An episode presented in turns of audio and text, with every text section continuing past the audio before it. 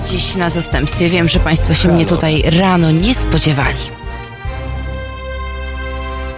Rozmawiać będziemy o przemocy, przede wszystkim tej względem kobiet.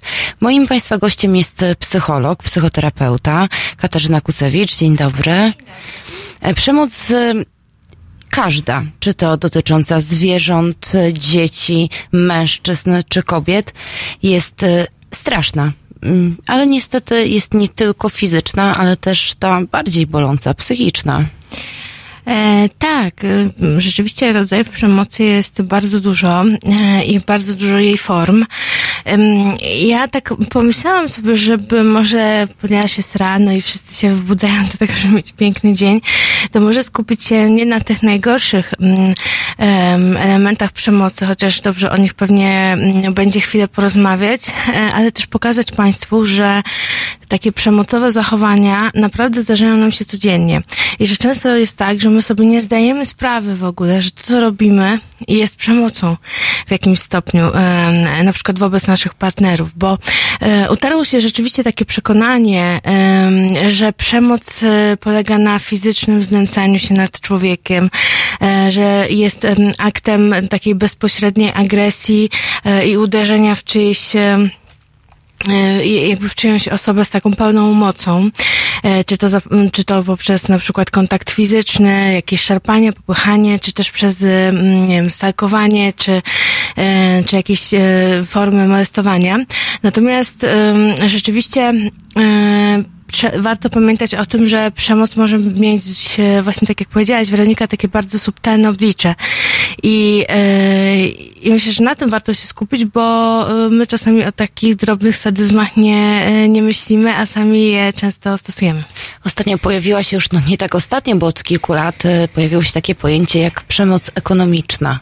To też mhm. A jednak nie zdajemy sobie sprawy z tego, że może ktoś Mm, stosować w stosunku do nas przemoc, która jest e, mhm. ekonomiczna, czyli nie jest związana tylko z fizycznym bólem. E, tak, rzeczywiście to e, pojęcie przemoc ekonomiczna, ono pojawiło się nie tak dawno w przestrzeni publicznej, natomiast nam psychologom oczywiście było już znane od dawna, bo przemoc rozgraniczamy na różne, patrzymy na przemoc pod wpływem różnych płaszczyzn, przez, przez różne pryzmaty właśnie przemocy fizycznej, przemocy psychicznej, przemocy ekonomicznej, przemocy seksualnej. Także, e, także rzeczywiście przemoc ekonomiczna, e, o której powiedziałaś, no ona w gruncie rzeczy polega na tym, że osoba, która dysponuje większym majątkiem, większymi funduszami e, w związku na przykład, te, te, tymi funduszami stara się manipulować i sterować drugą stroną. No na przykład dzieje się to wtedy, kiedy mąż wydziela kieszonkowe albo rozlicza żonę z każdej złotówki. Przemocą ekonomiczną też często są e, właśnie takie próby manipulacji z drugą osobą, właśnie przez pryzmat tego, że ma się więcej pieniędzy. Oczywiście w skrajnych przypadkach jest to, mm, jest to y, zrozumiałe, na przykład kiedy ma, kiedy osoba y, w parze ma stwierdzony zakupoholizm. Mówię o tym dlatego, że sama się tym zakupoholizmem zajmuję i tam często pada takie od zakupoholików stwierdzenie, że partner jest y, przemocowy i stosuje przemoc ekonomiczną, bo mówi jeszcze raz coś kupisz, to ja się wyprowadzam. To nie, to w takich skrajnych przypadkach, ale to jest 2-3% społeczeństwa, e, e, to, to jest to uzasadnione. Tak, ta przemoc ma, y, y, te, te, te zachowania takie ograniczające, no mają jakieś tam y, podłoże innego rodzaju, choć nie zawsze są słuszne, e, ale, ale z reguły jednak jest tak, że przemocą psychiczną jest takie właśnie uzależnienie partnera od swoich funduszy, czyli kiedy mąż dużo, dużo zarabia i tak jakby steruje żoną, żeby żona nic nie miała swoich pieniędzy, żeby on miał pełną kontrolę na przykład nad jej wydatkami, wydatkami, nad tym, ile ona ma pieniędzy i, i nad tym, jakie, jak nimi rozporządza, co e, bardzo często ofierze zabiera poczucie sprawczości, poczucie pewności siebie, e, użyteczności i umiejętności na przykład zarządzania pieniędzmi, co się przekłada na obniżenie samooceny. Powiedziałeś, że każdy z nas e, tak naprawdę stosuje przemoc, chociaż nie każdy z nas zdaje sobie z tego sprawę i że są takie drobne rzeczy, o których nie mówimy, a chcesz o nich powiedzieć, żeby ten dzień stał się lepszy. O jaką dokładnie przemoc ci chodzi? Bo wiadomo, każdy, każdy z nas na swój mhm. sposób naciąga różnego rodzaju fakty, manipuluje, nie wiem, ludzie kłamią, prawda? Zdarzają mhm. się różne sytuacje. Ja osobiście nie popieram czegoś takiego jak kłamstwo w dobrej wierze, bo uważam, mhm. że kłamstwo zawsze e, niesie za sobą negatywny wydźwięk, więc nie ma czegoś takiego lepsza prawda, najgorsza, ale prawda. Ale czy takie kłamstwo też może być tak naprawdę formą przemocy, prawda? Nawet to w dobrej wierze. No, oczywiście, to jest e, kwestia tego, że e, przemoc generalnie dzielimy na, na taką gorącą oraz chłodną. I um, gorąca przemoc to jest ta przemoc, która jest naprawdę podyktowana agresją, um, takim bezpośrednim gniewem. Natomiast jest też przemoc chłodna, która jest bardziej wykalkulowana i która, której bliżej do pojęcia manipulacja. I um, takie manipulacje, jakie stosujemy w związkach, na przykład mówimy, um, E, e, obrażamy ją, na przykład obrażamy się na kogoś e, i się nie odzywamy do partnera, zamiast wyjaśnić, wyjaśnić z nim kwestię. Na przykład nie złożył nam życzeń na imieniny i przez to my chodzimy obrażone przez cały tydzień. To jest forma przemocy.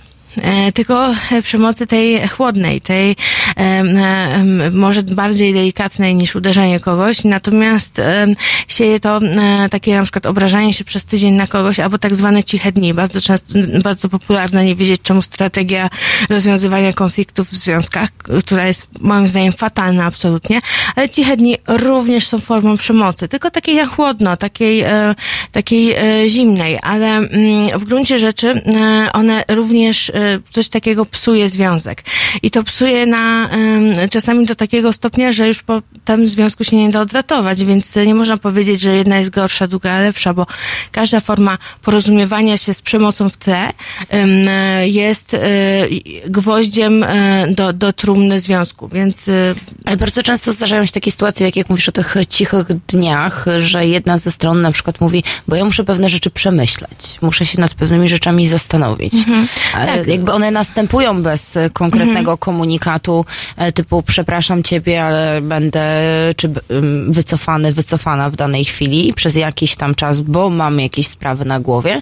E, I często dowiadujemy się po czasie, prawda, że e, mhm. ten czas to tak naprawdę nie do końca były ciche dni, a tak naprawdę czas na przemyślenie. Czy to, e, więc ciężko jest chyba znaleźć tą granicę między właśnie takim celowym działaniem, a potrzebą wewnętrzną. Jeżeli my mamy potrzebę wewnętrzną, wycofania się na moment z życia, to dobrze jest jakby o tym porozmawiać z partnerem szczerze, wprost i wtedy to mm, takie zachowanie już e, przemocą nie będzie. E, jeżeli my wyjaśnimy, porozmawiamy chwilę, też pozwolimy komuś na wyrażenie swojego, swojej opinii w tej sprawie, to nie. Oczywiście to wszystko rozgrywa się w, rozchodzi się o intencje, prawda? Bo jeżeli mamy intencje takie, żeby kogoś nie skrzywdzić i naprawdę musimy przemyśleć, to będziemy umieli się z nim porozumieć tak, żeby mimo naszego wycofania się ktoś nie czuł się zagrożony. Natomiast e, nierzadko jest tak, że w cichych dniach intencją jest zrobienie krzywdy partnerowi, czyli żeby on się martwił, żeby on się niepokoił. To są takie na przykład... Żeby zastanawiał się, co się dzieje. Tak. Ja czasami słucham, jak e, na przykład, nie, moje koleżanki e, mówią swoim nastoletnim córkom, nie odpisuj temu chłopakowi, niech poczeka, niech się pomartwi. Na przykład na SMS-a. Tak mówią. Tak, no, też się, się, z tym spotkałam. Niech, się pocze niech poczeka, niech się trochę pomartwi. Jak kocha, to poczeka. Jeżeli tak. coś nie zrobił, to teraz nie odpisuj, tak, Ale to się... są też rady często, które dają koleżanki, prawda? Pokłóciliście tak. się, nie wiem, jesteś teraz z nami, a niech się zastanawia, gdzie jesteś, nie, nie tak. odbiera i nie, nie wiem, nie odzwania i nie pisz, niech się, niech, niech się, się pomartwi. Niech się pomartwi, Niech tak. się trochę podenerwuje. Oczywiście i to także jest forma przemocy. Nie taka e, e, e, ostra i nie, po której e, ktoś będzie miał traumę, ale e, no to są zachowania agresywne.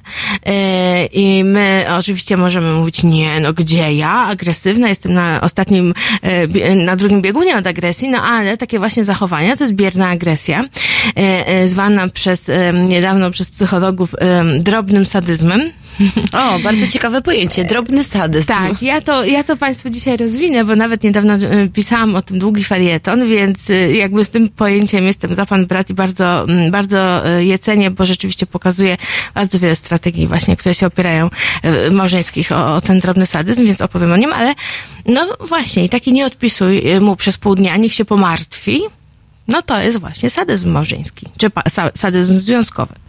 A jeżeli wychodzimy z domu, jest sytuacja konfliktowa, e, to idę. Czy to też jest przemoc? Tak, oczywiście. Znaczy to są zachowania, em, e, które są, które są agresją po prostu w związku, bo wszystko to, co nie prowadza do rozejmu i co nie, nie doprowadza do próby mm, e, wyjaśnienia sprawy, jest, e, jest agresją. E, oczywiście my mamy prawo być wściekli. Agresją i przemocą nie będzie to, kiedy ja powiem mojemu partnerowi, słuchaj, obudziłeś mnie o piątej rano, a ja chciałam o szóstej, a ty specjalnie wstajesz wcześniej, budzisz mnie o piątej, ja jestem śpiąca, jestem na ciebie wściekła. To nie jest przemoc. Ale, też jeżeli przemocą ja nie będzie wyjście, jeżeli damy komunikat wychodzę, bo jestem tak zdenerwowana, zdenerwowany, że muszę ochłonąć. Tak, tak, czyli dokładnie, czyli zobacz, Idę ochłonąć po to, żebyśmy się dogadali, prawda? Tak. Jest komunikat. Potrzebuję Podprogowy, tego. co prawda, Tak. ale jest. Tak, czyli wyjaśniam swoje zachowanie, czyli nie zostawiam kogoś w dezorientacji. Bo y, dezorientacja jest bardzo trudna do przyjęcia przez większość ludzi. My nie cierpimy się czuć zdezorientowani, nie wiedzieć o co chodzi, nie rozumieć, y, y, być w potrzasku i też nie mieć szansy wyjaśnienia. Więc jeżeli my po prostu się odcinamy i z trzaskami drzwiami wychodzimy, albo na przykład jeszcze często ludzie mówią, nie wiem czy wrócę, no to To już jest przemoc. oczywiście. I do tego, jakie jeszcze drobne formy przemocy tak naprawdę stosujemy na co dzień, wrócimy już za chwilę po krótkiej muzycznej przerwie.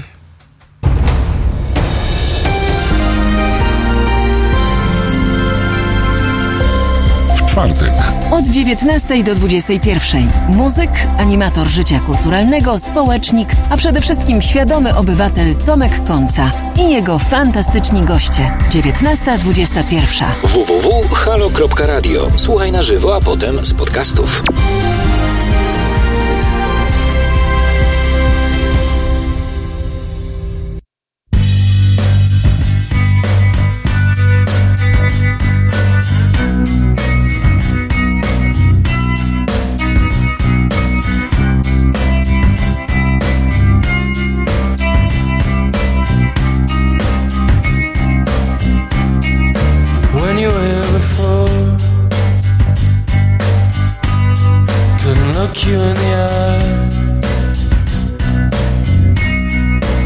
Just like an angel.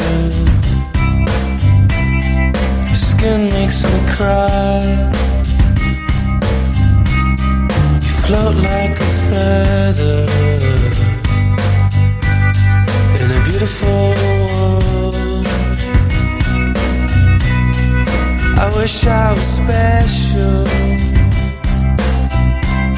You're so fucking special. But I'm a creep.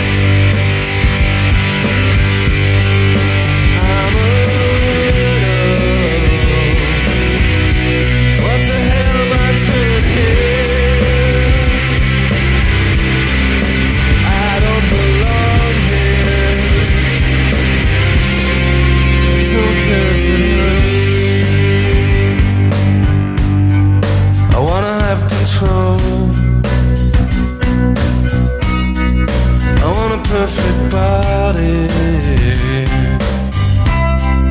I want a perfect soul. I want you to notice when I'm not around. so fucking special. I wish I was special,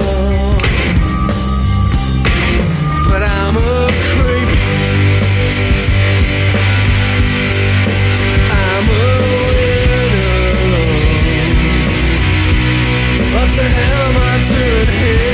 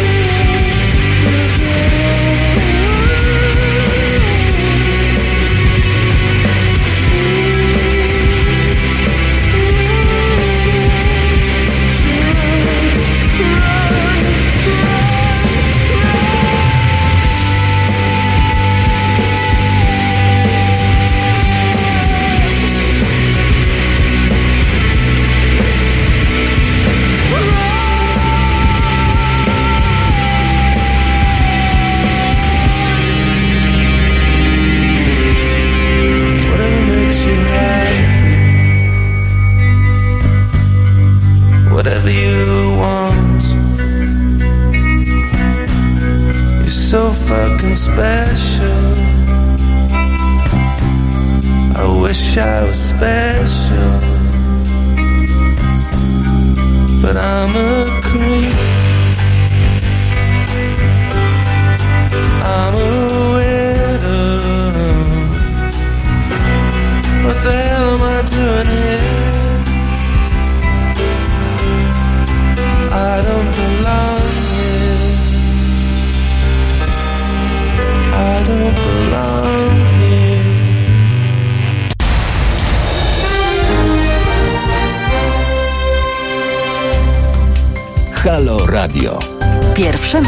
obywatelskie.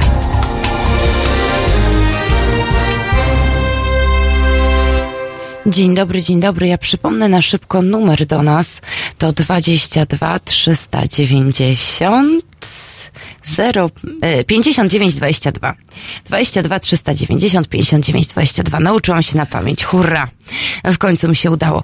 Rozmawiamy o drobnych formach przemocy, którą tak naprawdę stosujemy wszyscy, każdego dnia na co dzień, czy względem siebie, czy względem naszych partnerów, naszych dzieci, koleżanek, kolegów i całego naszego otoczenia. Ze mną i z Państwem jest e, pani psycholog, terapeuta Katarzyna Kucewicz. Dzień dobry jeszcze raz. Dzień dobry.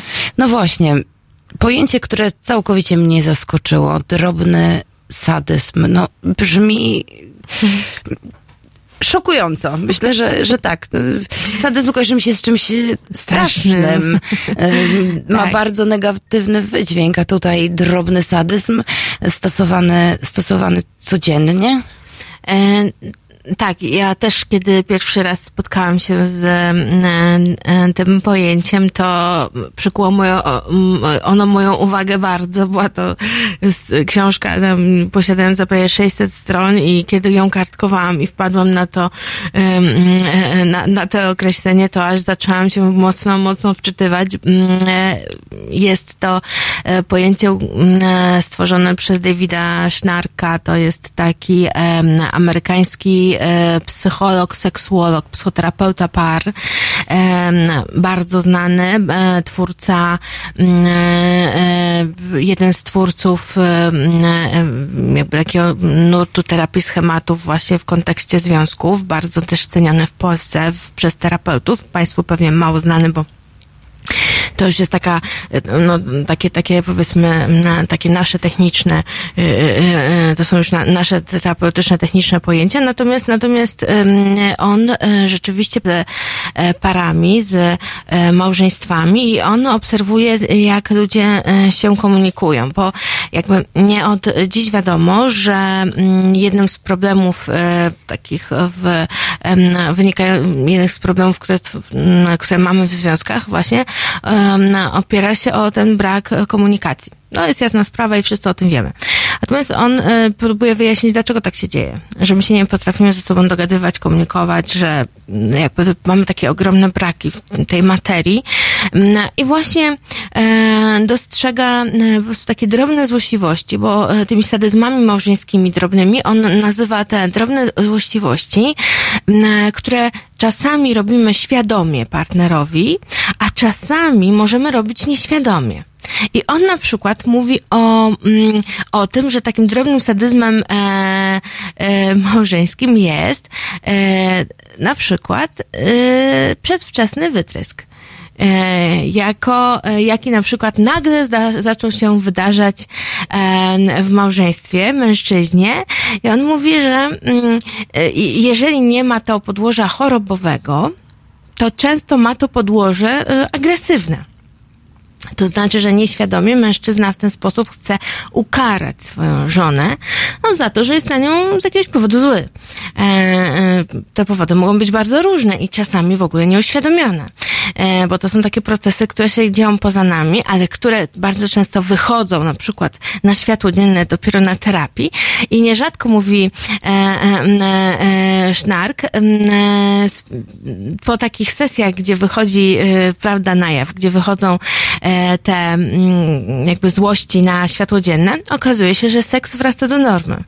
Że już e, nie ma problemu z tym wytryskiem. Więc to są takie mm, mm, mm, sytuacje, w których, w których e, e, rzeczywiście czasami e, okazuje się, że jeżeli ludzie sobie powiedzą dużo rzeczy, no to nagle jakby atmosfera Problem się znika. oczyszcza. Tak, tak. No właśnie, e, ale też e, myślę, że taka, tak teraz mi przyszło do głowy, że sytuacja, kiedy idziemy po zakupy i wiemy, że nie wiem, nasz partner, nasza partnerka czy nasze dziecko e, miało ochotę na twarożek waniliowy, a my go specjalnie nie kupimy po to, żeby poszła czy poszedł sobie po niego sam, to też może być forma takiej małej złośliwości, a tak naprawdę właśnie tej e, przemocy takiej drobnej. Ym, Wszystko zależy, tak jak mówiłyśmy, od intencji, prawda? Bo jeżeli moją intencją jest nauczyć dziecko samodzielności, no to to nie jest już e, przemocowe, ale jeżeli mi się, ja mam po prostu ochotę w ten sposób kogoś ukarać, e, czy jakoś dać owiwatu, e, to, to, to, to wtedy tak, to wtedy to są te właśnie drobne sadyzmy, bo one nie, nie tylko muszą być w małżeństwie, to, to słusznie zauważyłeś, mogą też być w każdej relacji, mogą być w relacji z dzieckiem, z pracownikiem, z koleżanką, ale one opierają się właśnie głównie o, o to, jakie mamy intencje i jak bardzo, i jak wyjaśnimy, bo im lepiej komuś coś wyjaśniamy, tym mniej jest w, w komunikacie sadyzmu. Tutaj mm, nasz słuchacz zwraca uwagę, że taką formą przemocy e, może być też e, to, że druga strona, czyli kobieta, odmawia seksu. E, Tak, jak najbardziej.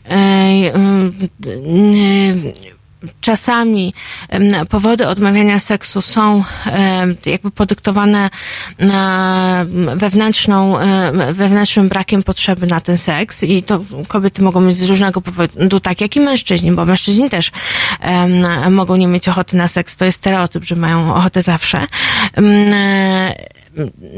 Czasami jest to rzeczywiście forma e, e, e, po prostu niechęci, a czasami to jest zemsta.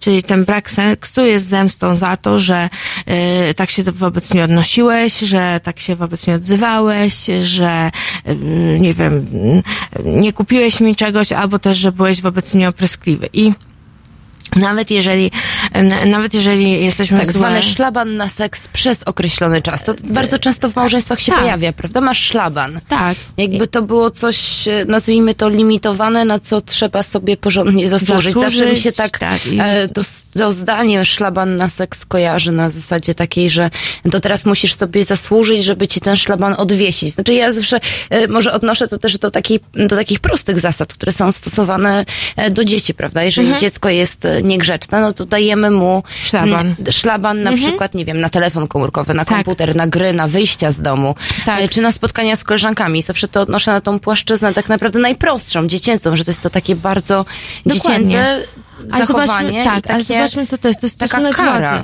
Oczywiście, ale tutaj pokazuje, na- osoba, która stawia, ma szlaba, daje szlaban, ma władzę.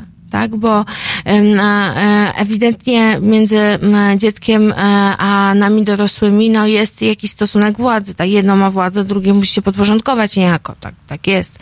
E, e, I jeżeli my w związku zaczynamy stosować taką hierarchię, em, że dajemy komuś szlaban na seks, no to od razu ustawiamy się w pozycji e, wyższej. To od razu e, w tym momencie my przejmujemy władzę nad tym partnerem. E, I nierzadko właśnie dlatego to jest forma... Ale w e, momencie, gdy wytłumaczymy, że nie mam ochoty dzisiaj na współżycie, ponieważ e, Tak. wczoraj, przedwczoraj czy tydzień temu e, sprawiłaś, sprawiłeś mi e, przykrość, czy nie wiem, zabolało mnie to, co Tak. powiedziałaś, powiedziałaś, w tym momencie nie jest już to przemoc. Tak. Czyli wszystko cały czas sprowadza się tak naprawdę do, Do komunikacji, e, braku do komunikacji prawidłowej, że e, stosujemy pewnego typu mechanizmy e, bez wyjaśnienia dlaczego. Jeżeli nie wyjaśniamy tego naszego zachowania, to w tym momencie wkraczamy na bycie osobą przemocową. Tak, dokładnie, bo często jest tak, że, że nam jest trudno wytłumaczyć na przykład partnerowi, że aby ten seks dla kobiety był udany i szczęśliwy, to musi być poprzedzony e, miłą atmosferą i przyjemną grą wstępną. Trudno taką e, przyjemną grę wstępną wtedy, kiedy jesteśmy na kogoś złe, obrażone, albo kiedy ktoś nas skrzywdził, czy, e, czy psychicznie, czy, em, czy jakoś tam był wobec nas złośliwy, czy, czy były jakieś problemy z pieniędzmi. E, Klimer44 napisał do nas rany, tak słucham i cieszę się, że jestem e, żonaty, e, bo bym chyba się przestraszył. Całe szczęście mm, to jednak są patologie niewystępujące zawsze. Czy naprawdę mój związek jest taki wyjątkowy, jeśli te wszystkie zachowania w nim nie występują? W jakimś sensie myślę, że e, to nie jest tak, że te zachowa- że związki, w których występują takie zachowania, e, to są związki bardzo patologiczne, bo e, w większości związków pojawiają się te drobne złośliwości, pojawiają się takie e, próby sił. E, I to nie znaczy, że związki są wtedy toksyczne, bo to jest tylko sygnał, że trzeba trochę popracować nad komunikacją, ale mimo wszystko ja tutaj, e, ja bym nie powiedziała, że to jest jakiś bardzo głęboki kaliber, który sprawia na przykład, że e, no, jeżeli stosujemy drobne sadyzmy małżeńskie, to powinniśmy się rozstać. Wcale nie. Wcale nie. Takie rzeczy da się na szczęście odratować. Przemek zadaje nam pytanie, czy takie rozdrabnianie przemocy nie powoduje jej e, oswajania. Skoro, mm, no właśnie, czy nie powoduje takie, że rozdrabniamy na takie mniejsze rzeczy? Ym, to No tutaj chodzi o to, że on pisze, że skupiamy się na drobiazgach jako przemoc.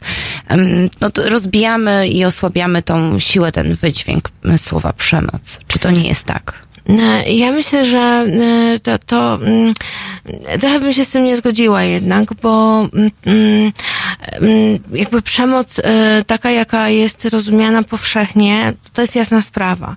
Em, I większość z nas zdaje sobie sprawę z tego, czym jest przemoc, e, że przemoc, taka przemoc w rozumieniu naruszenia czyichś granic cielesności, e, czy, silnych, czy, czy silnego naruszenia granic psychicznych. Em, I, i to, y, to, to, to każdy z nas e, wie i to od lat jest jakby nagłośnione. Natomiast e, mało mówi się i dlatego pewnie jest to rozdrabnianie, bo mało mówi się o drobnych, e, incydentalnych aktach agresji wobec e, drugiej strony, które nam się wydaje, że jest po prostu komunikacją i po prostu wyrażeniem swojego zdania czasami, a jest e, bardzo dotkliwe, bolesne i psuje nasze relacje międzyludzkie, bo te sytuacje patologiczne w związkach zdarzają się jednak stosunkowo, mm, powiedziałabym, no, może nie sporadycznie, ale nie mają miejsca na co dzień. Natomiast te drobiazgi, te drobne złośliwości, o których sobie mówimy, one mają, do, moim zdaniem, one są, tak jak wskazują też, e, wskazuje też Nark w swojej książce Namiętne małżeństwo, no 80% par e, nawet ma za sobą takie, jakby posługuje się takim językiem. Dlatego myślę, że warto też o tym mówić. Mała przemoc rodzi większą przemoc i o tym porozmawiamy za chwilę, a przed nami Still Waters.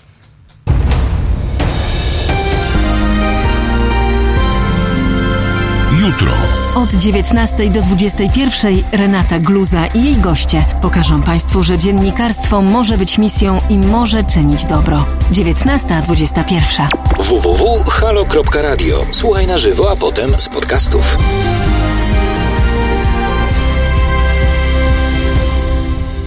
Still waters run deep. Just remember when we lie to each other, no one will tell losers we. Reflection will show this connection. We can lean on each other. This is all we need to know. I admit I've been a fool sometimes. I believe I'm maybe losing you.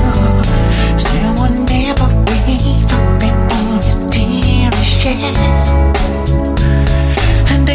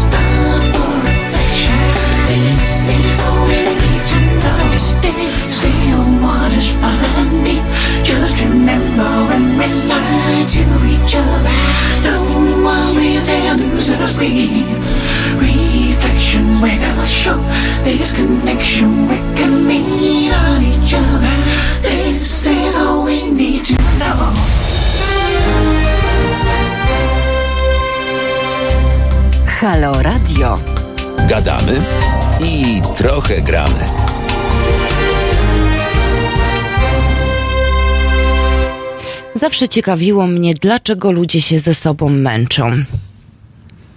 Taki komentarz. Znaczy część tego komentarza. No, y, no, czasami jest tak, że bilans zysków i strat wychodzi jednak y, na, na plus i wtedy y, mimo drobnych złośliwości jednak nam jest na tyle dobrze ze sobą, że decydujemy się być dalej. Żeby się dalej męczyć. Tak, żeby się dalej męczyć. Ja, ja, zresztą ja uważam, że mm, tak jak mówiłam wcześniej, to nie jest tak, że jeżeli zdarzają nam się te sad- drobne sadyzmy małżeńskie, to już związek e, powinien się zakończyć. Czasami tak jest, ale z reguły da się nad nim popracować.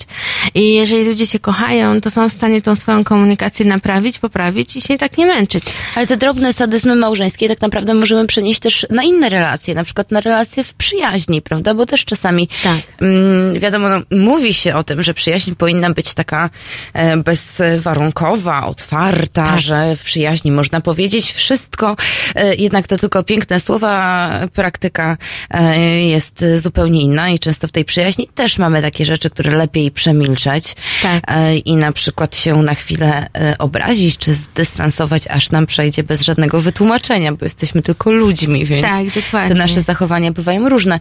Więc te drobne sadyzmy możemy też przenieść tak naprawdę na tą relację e, dwie przyjaciółki, czy przyjaciel, przyjaciel.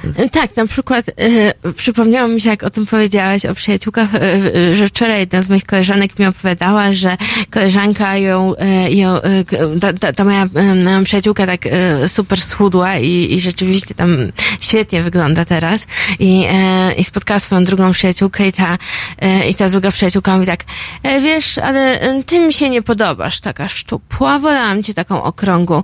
I ona mówi- Cudowne. nie podobasz mi się taka.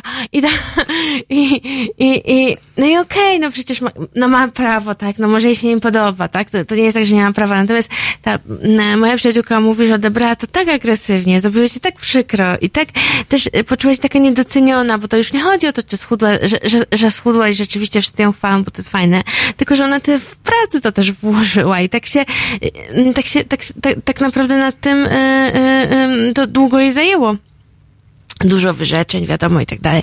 I, da, i taki, usłyszała taki feedback, który tak naprawdę ją, no, specyfikował tę jej radość, więc, yy, no To i mnie ostatnio też zaskoczyła moja, Jest. e, moja przyjaciółka, e, ponieważ miałam taki moment, e, gdzie było dosyć dużo pracy, dużo innych e, zajęć, więc automatycznie to się na ogół odbija na mojej wadze. E, No, ponieważ no, jestem dość szczupła, więc każdy kilogram e, widać. I moja przyjaciółka mówi tak, wiesz co, niedobrze, że jesteś teraz taka chuda. W naszym wieku to już człowiek powinien być bardziej okrągły. I właśnie w tym momencie, jak o tym powiedziałaś, tak mówię, muszę do niej zadzwonić, powiedzieć, że to była przemoc że już nie wypada w naszym wieku, żeby e, być bardzo szczupłym. No tak, można odebrać, wiadomo, wszystko to, co mówimy, można odebrać w sposób e, agresywny, ale też w sposób e, pozytywny. Mam taką koleżankę, która stosuje zasadę, że jeżeli chce powiedzieć coś, co może mieć wydźwięk negatywny, to zaczyna od tego, nie chciałabym ciebie urazić, czy nie chciałabym sprawić ci przykrości, ale e, i zastanawiałam się ostatnio, czy to jest dobra metoda, bo jest jednak nie chciałabym ci zrobić przykrości, czy ciebie urazić, ale jednak czyli to ale, które często daje nam taki w naszym, w no naszym jest- mózgu taki, taką lampka, taka lampka się zapala, prawda? No dobra, nie chciałabym, czy nie chciałbyś mi zrobić przykrości, ale, czyli chcesz mi jednak to zrobić, prawda? Oczywiście, no, y, jakby takie komunikaty, nie wiem, nie, nie obraź się, ale, y, no to to jest dalej. No ale cię trochę poobrażam teraz, ale cię nie obraź, więc, więc Tak. oczywiście, więc oczywiście, że takie sformułowanie jest dosyć niefortunne i w ogóle, kiedy, kiedy my mówimy no, z, z całym szacunkiem, ale y, no to, to też jest po, oczywiście podważanie czyjegoś zdania. My mamy prawo, że, ja myślę, że to nie jest ko, taki komunikat działający w służbie e, relacji. I e, niezgadzanie się z kimś jest w, działa w służbie relacji, czy posiadanie odmiennego zdania, czy polemizowanie z kimś, działa w służbie relacji. Tylko ważne jest to, żeby umieć sformułować ten komunikat w taki sposób, żeby on nie był raniący i żeby nie był dewaluujący i deprecjonujący kogoś. Bo jeżeli ja mówię na przykład nie obraź się, ale gadasz głupoty, no to, no to to jest deprecjonowanie kogoś, tak? Bez dwóch zdań. Ale już nie obraź się, ale nie zgadzam się z twoim zdaniem. To już nie będzie. No nie. To już będzie komunikat, mamy inne spojrzenie. E, Nawiązałam w ten sposób, e, ponieważ e, Przemek napisał do nas, że idąc tą drogą każdej interakcji związanej z różnym spojrzeniem dwóch osób na jakiś problem, nie da się w końcu spro- e, da się w końcu wszystko sprowadzić do drobnego sadyzmu i uznać za przejaw przemocy. Pyta, czy da się wszystko? No możemy wszystko sprowadzić tak naprawdę do, nie wiem, przemocy, prawda? Każde, każde zachowanie. Znaczy, w tych drobnych sadyzmach najważniejsze są nasze intencje. Jeżeli mamy intencję wbić komuś szpilę, to nawet jeżeli zrobimy to super y, y, miło, miło i sympatycznie, y, to ta szpila jest przemocowa. I też... Czyli to też, tak naprawdę my mm, musimy ocenić. Tak. E, Jeżeli, chodzi o nasze intencje, Jeżeli tak. chciałam być złośliwa, to już mogę to podciągnąć pod e, drobne, drobny Tak. sadyzm, ale jeżeli zrobiłam to nieumyślnie, e, to w tym momencie wiadomo, że to przemocą nie jest. Tylko pytanie, czy są rzeczy, które robimy nieumyślnie. Nieumyślnie, no właśnie. Ja myślę, że bardziej na, warto sobie odpowiedzieć na pytanie, czy my w swoich komunikatach chcemy dojść do porozumienia i szanujemy rozmówcę, czy chcemy dojść do wygranej i szanujemy siebie. Jeżeli, bo w takich komunikatach statystycznych jest fokus na siebie. Nie jest fokus, nie mamy fokusu na rozmówcę, czyli nie skupiamy się na tym, jak ten rozmówca się będzie czuł, czy jak te słowa wybrzmią, tylko mamy ochotę coś tam powiedzieć, wyrazić swoje zdanie, to, to je mówimy bez ogródek. Tak naprawdę ja zachęcam Państwa do właśnie bardziej nie tyle do analizowania, jak ludzie do nas mówią, co do tego, jak my się wobec kogoś zwracamy. Czy my naszego rozmówcę szanujemy zawsze, e, czy my potrafimy z szacunkiem się porozumiewać z drugim człowiekiem, em, czy to jest nasz partner, czy to jest nasz szef, czy to jest nasza koleżanka, czy to jest pani w sklepie, czy, czy pan w taksówce, e, bo bo właśnie często nam się wydaje, że dopóki nie wiem, kogoś e, nie, nie, na, nie będziemy na kogoś przeklinać, czy nie, nie uderzymy, to, że jesteśmy tacy super spokojni i super w porządku, a tymczasem e, i, i później na przykład często ludzie mówią, nie wiem dlaczego nikt mnie nie lubi, nie wiem dlaczego nie mam przyjaciół, nie wiem dlaczego ludzie przestali się ze mną, do mnie odzywać. I czasami ludzie naprawdę nie rozumieją, nie wiedzą, że drobne złośliwości, że drobne przytyki jakby to są na tyle raniące, że inni po prostu zrywają z nami relacje. No właśnie, bo tych drobnych złośliwości może być na tyle dużo, że one się tak naprawdę uzbierają w jedną wielką całość, która jest już nie do przezwyciężenia. Mm, Bo e, ja ostatnio zdałam sobie sprawę z tego, że mm, język, którymi posługują się też dzieci, e, który jest językiem przemocowym bardzo często, y, jest, y, nikt nie zwraca tak naprawdę na to uwagi, że na przykład słowo ale ty jesteś durny, czy ale, ty, ale z ciebie głupek, które tak naprawdę weszło do szkolnego słownika w codziennym życiu jest tak naprawdę przemocą psychiczną. Oczywiście. Że dzieciaki w szkołach stosują e, tyle przemocy psychicznej względem siebie. No bo wiadomo, jeżeli uderzy kolegę czy koleżankę, no to nauczyciel zwróci uwagę. Jeżeli powie jakieś przykre słowo, to niekoniecznie, bo czasami słów nie da się, no nie usłyszy się, czyli nie da się ich zauważyć. Więc jest ten brak reakcji. I mam wrażenie, że ludziom trzeba uświadamiać, że tak naprawdę nasze zdania wypowiadane i często jedno słowo, takie kluczowe, już świadczy o tym, że stosujemy przemoc. Może ta przemoc nie mieć tragicznego wydźwięku, ale e, może jednak kogoś zranić albo sprawić dużą przykrość, albo później mieć konsekwencje w późniejszych etapach życia, relacji, e, czy na przykład e, u dzieci dorosłości. Oczywiście, no bo jeżeli my e, jakby uczymy nasze dziecko takiego, e, takiego porozumiewania się w takim duchu e, i dziecko widzi, że w taki sposób na przykład się e, odnosimy do siebie nawzajem, no to później też będzie to stosowało ten, ten, te, tak sformułowane komunikaty wobec swoich kolegów, koleżanek i to, e, no i to, to jeżeli to nam wchodzi w krew, to później my właśnie to, co powiedziałaś wcześniej, e, Weronika, tak nieświadomie zaczynamy, zaczynamy wtedy funkcjonować i zaczynamy nieświadomie wtedy e, mm, e, ranić kogoś, bo po prostu mamy taki wzór komunikacyjny, inaczej nie umiemy. No właśnie. E, Jak możemy, mm, co możemy zrobić w momencie, kiedy wiemy, że doświadczamy przemocy, albo jeszcze nie zdajemy sobie z tego sprawy, bo czasami następuje ten etap, w którym wiemy, że coś jest nie tak, ale jeszcze nie do końca wiemy co.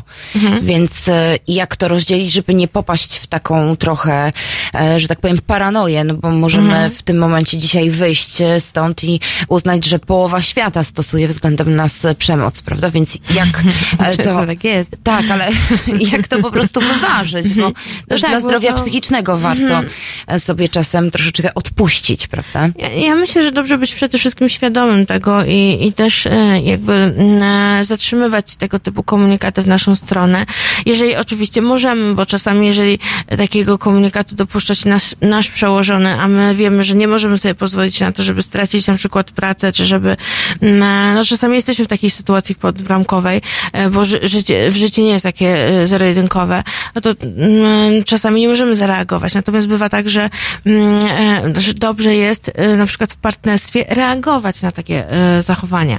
Dobrze jest mm, jakby, mm, pokazywać, że słuchaj, no ten jakby ta forma, w jakiej my rozmawiamy, ona jakby nie służy niczemu dobremu. Em, Pokazywać, że ej, mnie takie słowa ranią po prostu. Mnie boli to, co do mnie mówisz. To mm, jakby mnie, mnie uderzają takie komunikaty.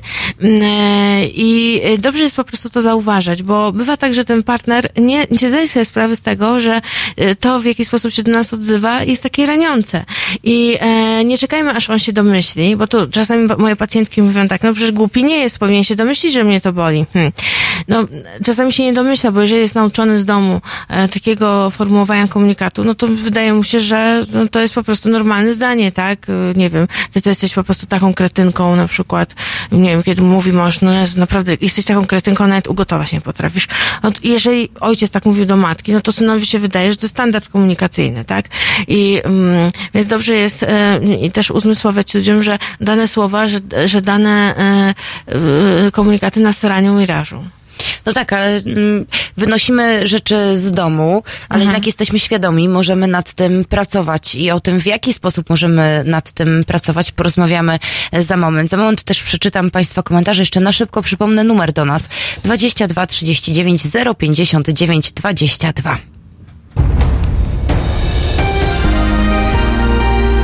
W niedzielę po kościele. Od 19 do 21 publicysta i wydawca Marcin Celiński będzie sumować tydzień wraz z gośćmi w studio i z Państwem. 19.21. www.halo.radio. Słuchaj na żywo, a potem z podcastów.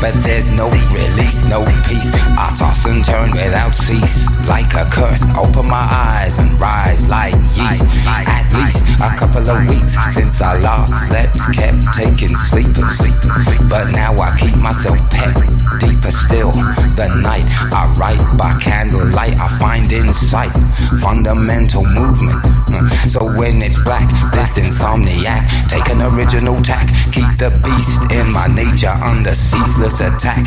I get no sleep, sleep, sleep, sleep. I can't get no sleep, sleep, sleep.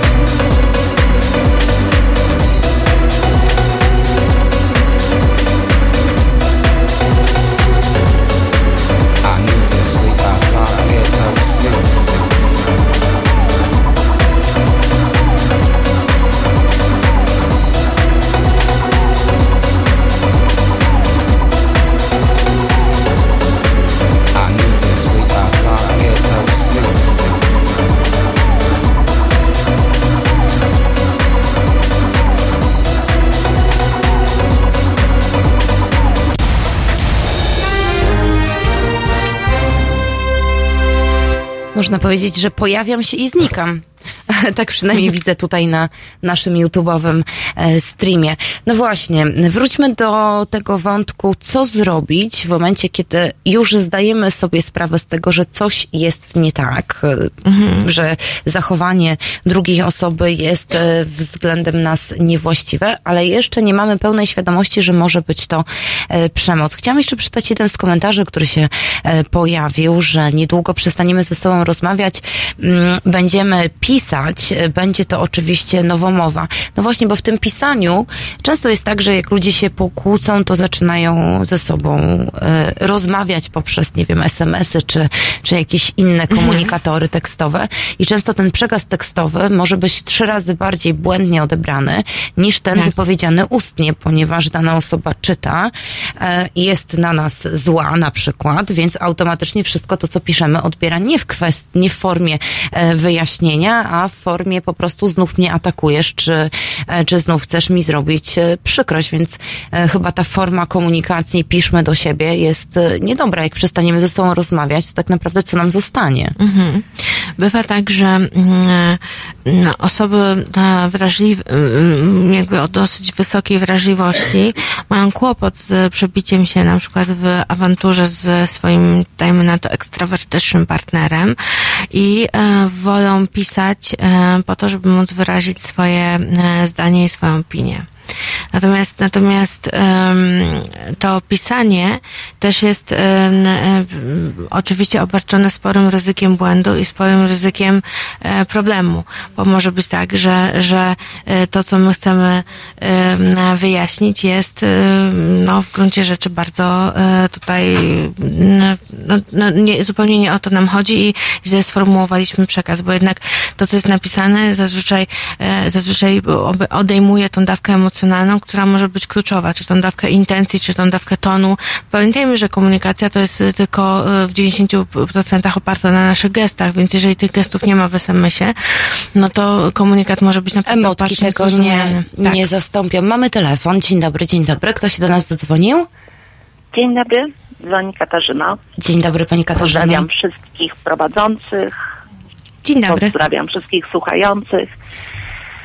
O, mam prawie 30-letni staż małżeński. Tam już pan mówi, pisał właściwie, że dobrze, że jest żona, to by się przestraszył. Po pierwsze, jak tak pani słucham, to sobie myślę, że właściwie niemal wszyscy wychodzimy z domów przemocowych. Więc ta przemoc niestety nam towarzyszy cały czas i tu niestety albo stety musimy pracować nad sobą, tylko to jest bardzo trudne. Zgadza się. Praca nad sobą Em. zawsze jest trudna.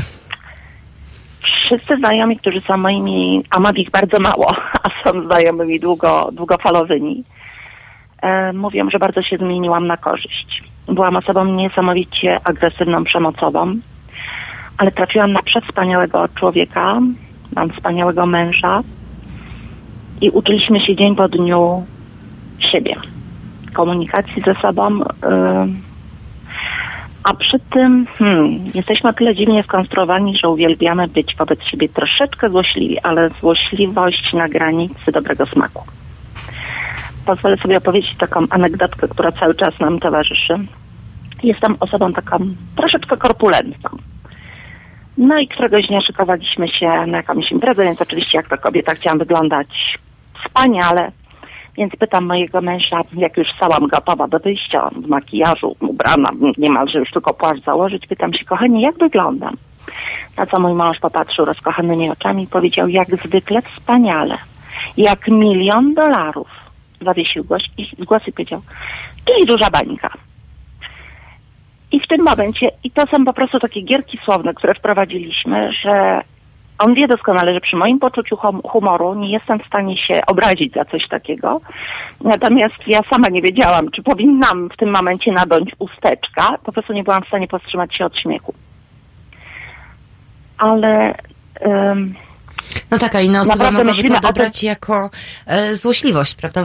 Bo em, To znaczy, że jako pani, przytyk negatywny. Więc dla dobrze, że mają Państwo to porozumienie. E, Tak, ale po 30 lat już, latach już doskonale wiemy, co możemy, czego nie możemy. E, Najtrudniejszym etapem jest chyba ten początkowy etap, etap poznania. Natomiast e, komunikując, i mam przyjaciółkę, która może mi powiedzieć wszystko, nawet to, że jestem gruba, ale po prostu na tyle się znamy, że doskonale wiemy, kiedy możemy to powiedzieć i w jaki sposób możemy to powiedzieć. Czyli ja to odbieram czasami tak, że my po prostu nie mamy chęci poznania drugiej osoby bo wiemy po prostu poznając drugą osobę. Ja wiem, że no tutaj złośliwości wobec obcych no to jest zupełnie inna, inna bajka, no bo właśnie tutaj się nie znamy i, i powiedzieliśmy coś i tak jak pani powiedziała, z, z intencją, tak? Chcieliśmy być złośliwi. Natomiast w momencie, kiedy się poznajemy z drugą osobą, to doskonale, no mówię, ja doskonale po prostu wiem, gdzie jest granica. Co mogę powiedzieć i jak mogę powiedzieć.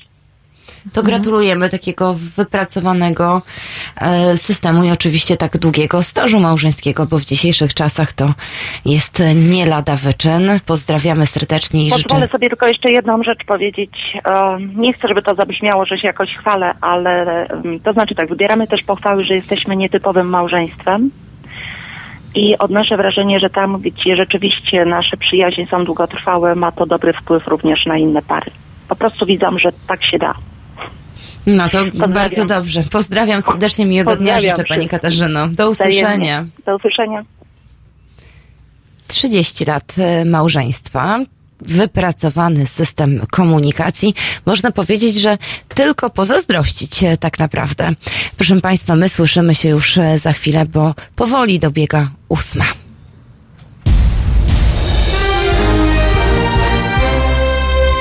Dziś Między 17 a 19 Agnieszka Żądło da upust swojej reporterskiej pasji. 17-19. www.halo.radio. Słuchaj na żywo, a potem z podcastów.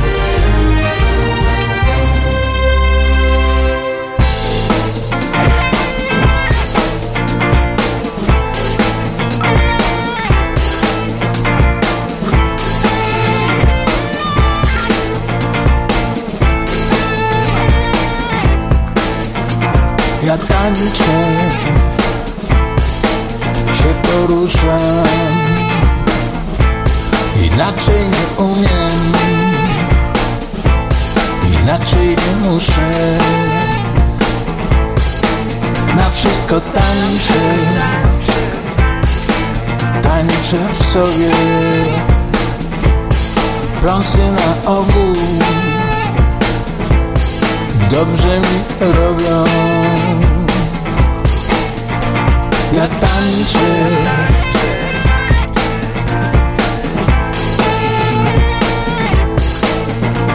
Ja tańczę.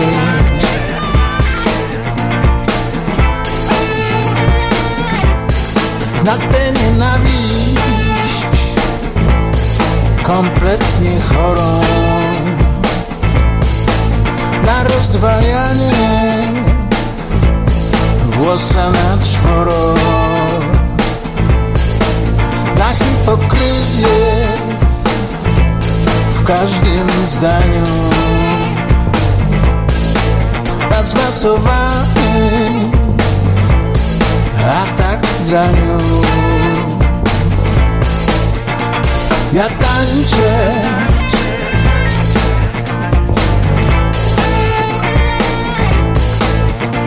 Ja tańczę.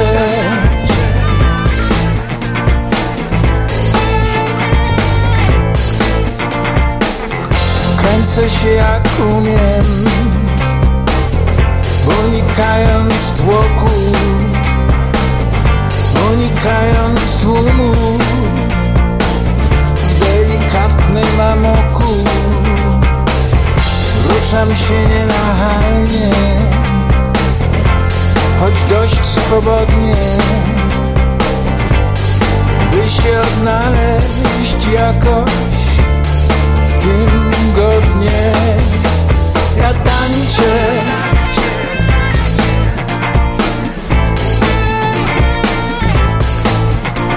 Ja tańczę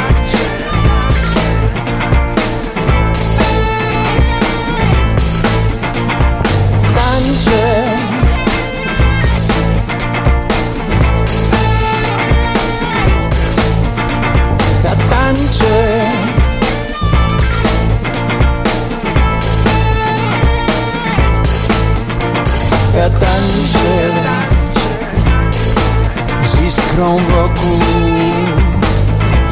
Wypinam się cały na to co wokół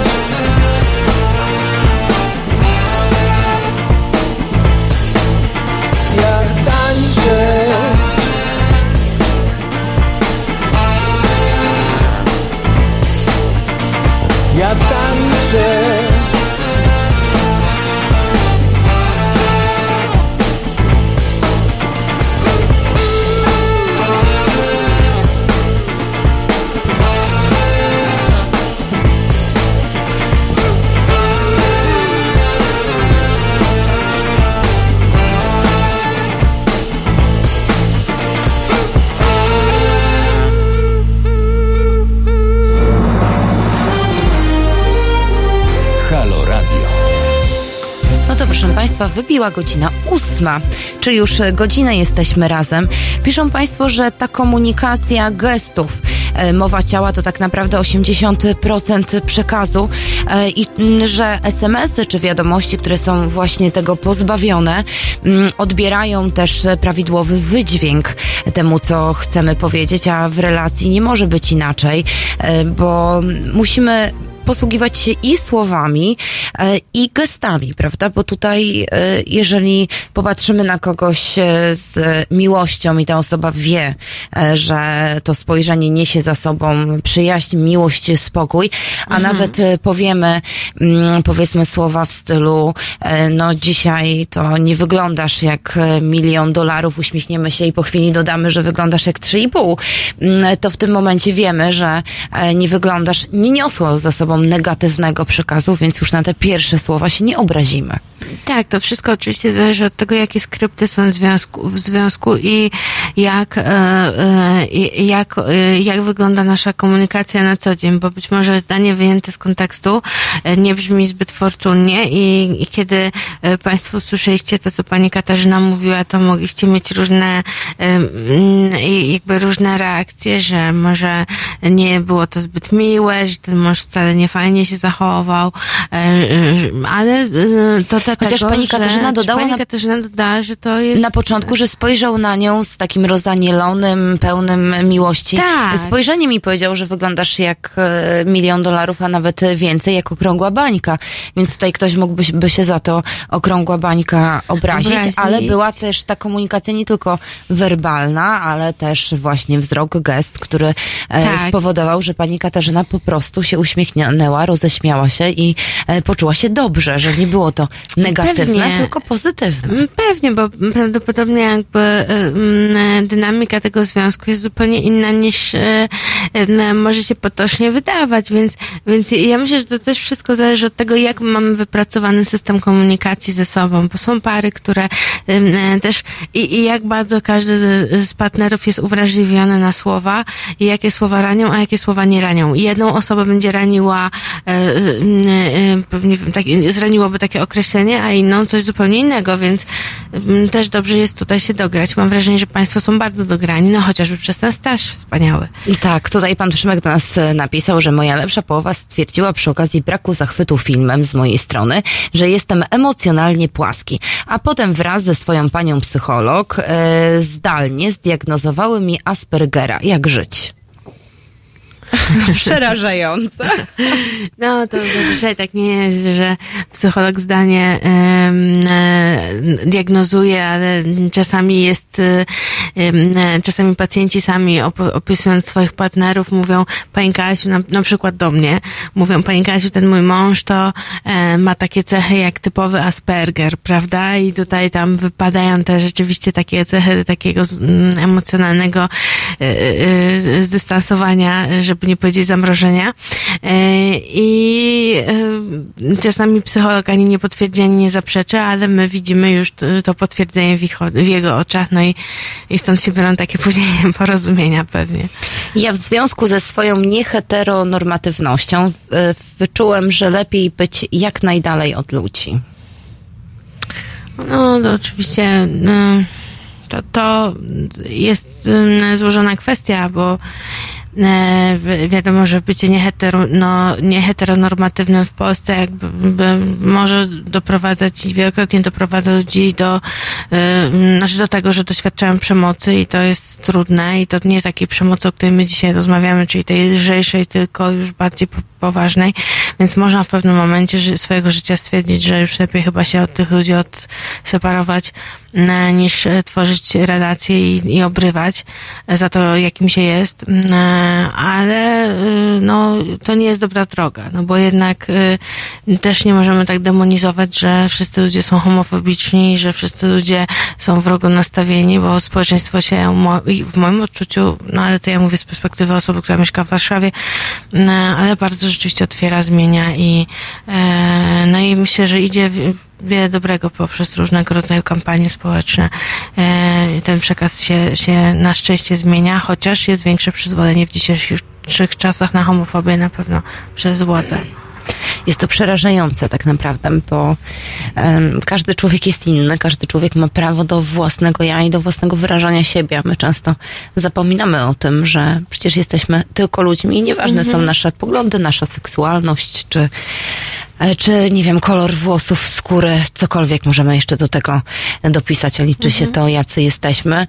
E, Trzymamy kciuki, żeby pan stwierdził, że jednak wokół pana jest dużo więcej tych dobrych ludzi, aby oni, myślę, przeważali w otoczeniu, bo odcinanie się od ludzi chyba też nie jest niczym dobrym, bo stajemy się trochę pozbawieni tego, co jest w życiu ważne, czyli tej komunikacji i bycia blisko z innymi.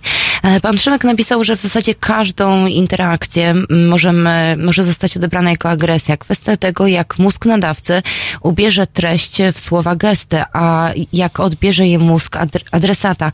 Nigdy nie ma gwarancji poprawności e, przekazu. No właśnie, nie ma gwarancji poprawności przekazu, ale jest coś takiego, że nawet jeżeli ten przekaz zostanie źle odebrany, to możemy to wytłumaczyć. Tak, oczywiście. Są osoby, które będą do każdego rodzaju krytyki nastawiać się, że była to agresja i hejt. I ja mam wrażenie, że dzisiaj dużo mówi się o hejcie, ale mało mówi się, ale pewnie niedługo się zacznie mówić więcej o tym, że ludzie są przewrażliwieni na hejt. I każdą krytykę na przykład um, już uważają, że to jest, nie wiem, z zazdrości, z nienawiści, że to jest hejtowanie kogoś. Wtedy na przykład tak często młodzież mówi. Um, podczas gdy jest to po prostu wyrażenie opinii, więc są osoby, które absolutnie nie przyjmują żadnej krytyki pod swoim adresem i wszystko uważają za przemoc, nawet bardzo drobny gest. Na to już nie mamy wpływu. Natomiast, tak jak mówiłam, że mm, nie warto skupiać się na, mm, nie, nie tyle na swoim e, adresacie, co na naszych przekazach. Jeżeli my nad nimi pracujemy i my z pełną świadomością staramy się unikać takich sformułowań, które będą raniące dla kogoś, kogoś i uczymy się tak formułować komunikaty, to to, to nie musimy już brać odpowiedzialności za to, jak ktoś to e, e, nadin, będzie nadinterpretował i przeinaczał. E, jeżeli ktoś źle rozumie nasze komunikaty, czy na przykład łapiemy się na tym, że ktoś e, jest bardzo wrażliwy i nic mu się nie da powiedzieć, bo na wszystko się obraża, no to, to też już nam wychodzi taki obraz tej osoby, jaka ona jest. No i wtedy się trzeba zastanowić, co, co, jak my się chcemy wobec tego ustosunkować. Czy to znaczy, że musimy tę relację zawiesić, czy, czy że, że y, mamy się jej całkowicie podporządkować. No, często ludzie wybierają różne drogi. Żyjemy w społeczeństwie, które jest społeczeństwem, społeczeństwem narcystycznym. Kiedyś mówiło się neurotyczna osobowość naszych czasów, Karen Horney tak mówiła, a dzisiaj e, to neurotyczna zamienia się na narcystyczna. Czyli, że większość ludzi, e, e, to co się zauważa tak społecznie, jakby jest totalnie przewrażliwiona na swoim punkcie. No właśnie, bo ja mam wrażenie, że my tak popadamy w skrajności w skrajność, czyli mhm. wcześniej mówiło się o tym, że e, jest ten hejt, teraz każdy uczepił się słowa hejt i wszystko, każda krytyka, o czym jest mówisz, hejtem. jest hejtem. Mhm. Zwrócenie uwagi jest hejtem. E, powiedzenie swojej opinii jest już hejtowaniem. Tutaj pojawił się też taki komentarz, że słuchając e, audycji nabiera tutaj pan obaw, że każda ocena może być odebrana jako no agresja. No, agresja agresja ma jednak trochę inne e, podłoże. To, o czym mówiliśmy na początku, prawda? To wszystko zależy od intencji, że jeżeli wyrażamy tą swoją opinię w sposób e, dobry, konstruktywny, to nie będzie to agresja. Jeżeli wyrazimy ją, co za beznadzieja, e, szkoda, nie wiem, mojego czasu na słuchanie tego, co mówisz, mam tego serdecznie dość, jesteś po prostu, nie wiem, cymbałem i tak dalej, no to wiadomo, że to już będzie agresja, ale jeżeli powiemy, no, nie zgadzam się z twoimi opiniami, opiniami, mam zupełnie inne zdanie, to y, będzie to mhm ocena, zwykła ocena. Jasna sprawa, oczywiście. Tutaj y, w tych sadyzmach chodzi o takie zachowania, które są naprawdę raniące. Które są raniące i które mm, deprecjonują czyjąś samoocenę. Na przykład przypomniała mi się jedna historia, jak opowiadał mi, um, opowiadała mi jedna z moich pacjentek, że um, była, miała bardzo w sobie dużo gniewu na swojego męża za to, że ten mąż się tak wywyższa i się czuje taki mądrzejszy od niej, taki lepszy od niej. I no, on był dosyć niskiego wzrostu i ona zawsze z premedytacją, jak wychodzili razem, zakładała 12-13 centymetrowe obcasy, będąc wtedy już w ogóle dużo, dużo wyższą od niego. I, e, i to są takie zachowania, e, które, które są e, tym drobnym sadyzmem, bo one służą temu, żeby właśnie kogoś zdewaluować, zamiast porozmawiać z nim, że słuchaj, nie podoba mi się to, w jaki sposób ty deprecjonujesz, nie wiem, moją inteligencję, powiedzmy, tak? Że, że ona mm, takie swoi, swoimi e, takimi zachowaniami naokoło niejako chciała wyrazić swoją złość na niego, właśnie zakładając te bardzo, bardzo wysokie zawsze szpilki i twierdząc, że na innych butach niewygodniej się chodzi, bo jej noga przyczepiona jest do szpilki, to, co może być oczywiście prawdą, natomiast, natomiast tutaj e, pod tym kryła się naprawdę duża złość. I tu mm, w tych drobnych sadyzmach chodzi o to, że jeżeli jesteśmy na kogoś źli, to żeby nie, nie robić takich podjazdówek, tylko żeby wyrażać się e, w miarę e, wprost. Na tyle, na ile, na tyle, na ile możemy, no ale wprost to nie znaczy z pełną agresją na kogoś się rzucać, tylko właśnie stosując takie, chociażby porozumienie bez przemocy, czyli strategię mm, e, takiego komunikowania się ze sobą, która nie przynosi szkody. Nie mów do mnie teraz, bo jestem zła, zły. A przed nami Midnight City.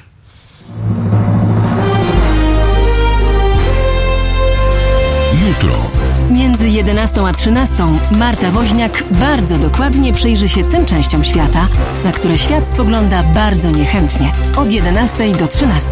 www.halo.radio. Słuchaj na żywo, a potem z podcastów.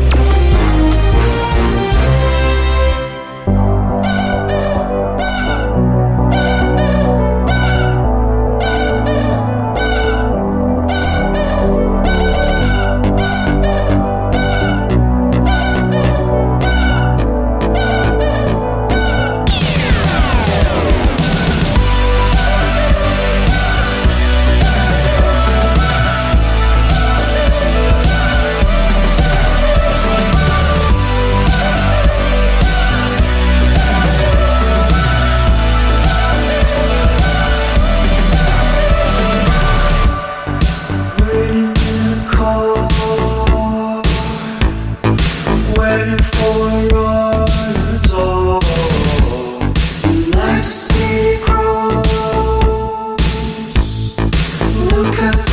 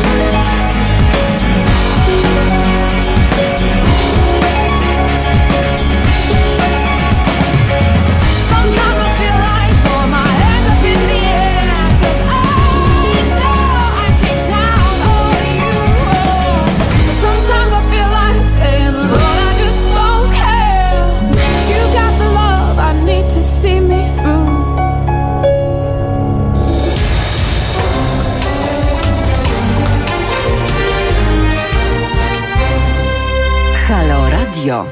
Dzień dobry, dzień dobry, prawie 8.20, a my cały czas rozmawiamy o tych drobnych przytykach, e, które, uwaga, są również przemocą. Może tą e, nie taką agresywną jak e, na przykład atak fizyczny, ale jednak to przemoc, która bardzo rujnuje relacje międzyludzkie i rozmawiamy również o tym, że warto się komunikować i tak naprawdę w momencie, kiedy rozmawiamy werbalnie i jesteśmy z kimś twarzą twarzą, w twarzą w twarz, to zawsze możemy zweryfikować to, czy ktoś odebrał mm, to, co chcieliśmy powiedzieć w sposób taki, jak chcieliśmy to wyrazić, ale też, żeby nadmiernie nie skupiać się na tym wszystkim, bo e, przecież możemy popaść w paranoję. Mamy teraz paranoję hejtu. Wszyscy nas hejtują, wszystkich my hejtujemy. Najlepiej nic nikomu nie mówić, bo jeszcze zostaniemy naczelnym e, hejterem, prawda? Tutaj mm, to chyba ludzka natura, y, popadanie w y, pewnego typu skrajności.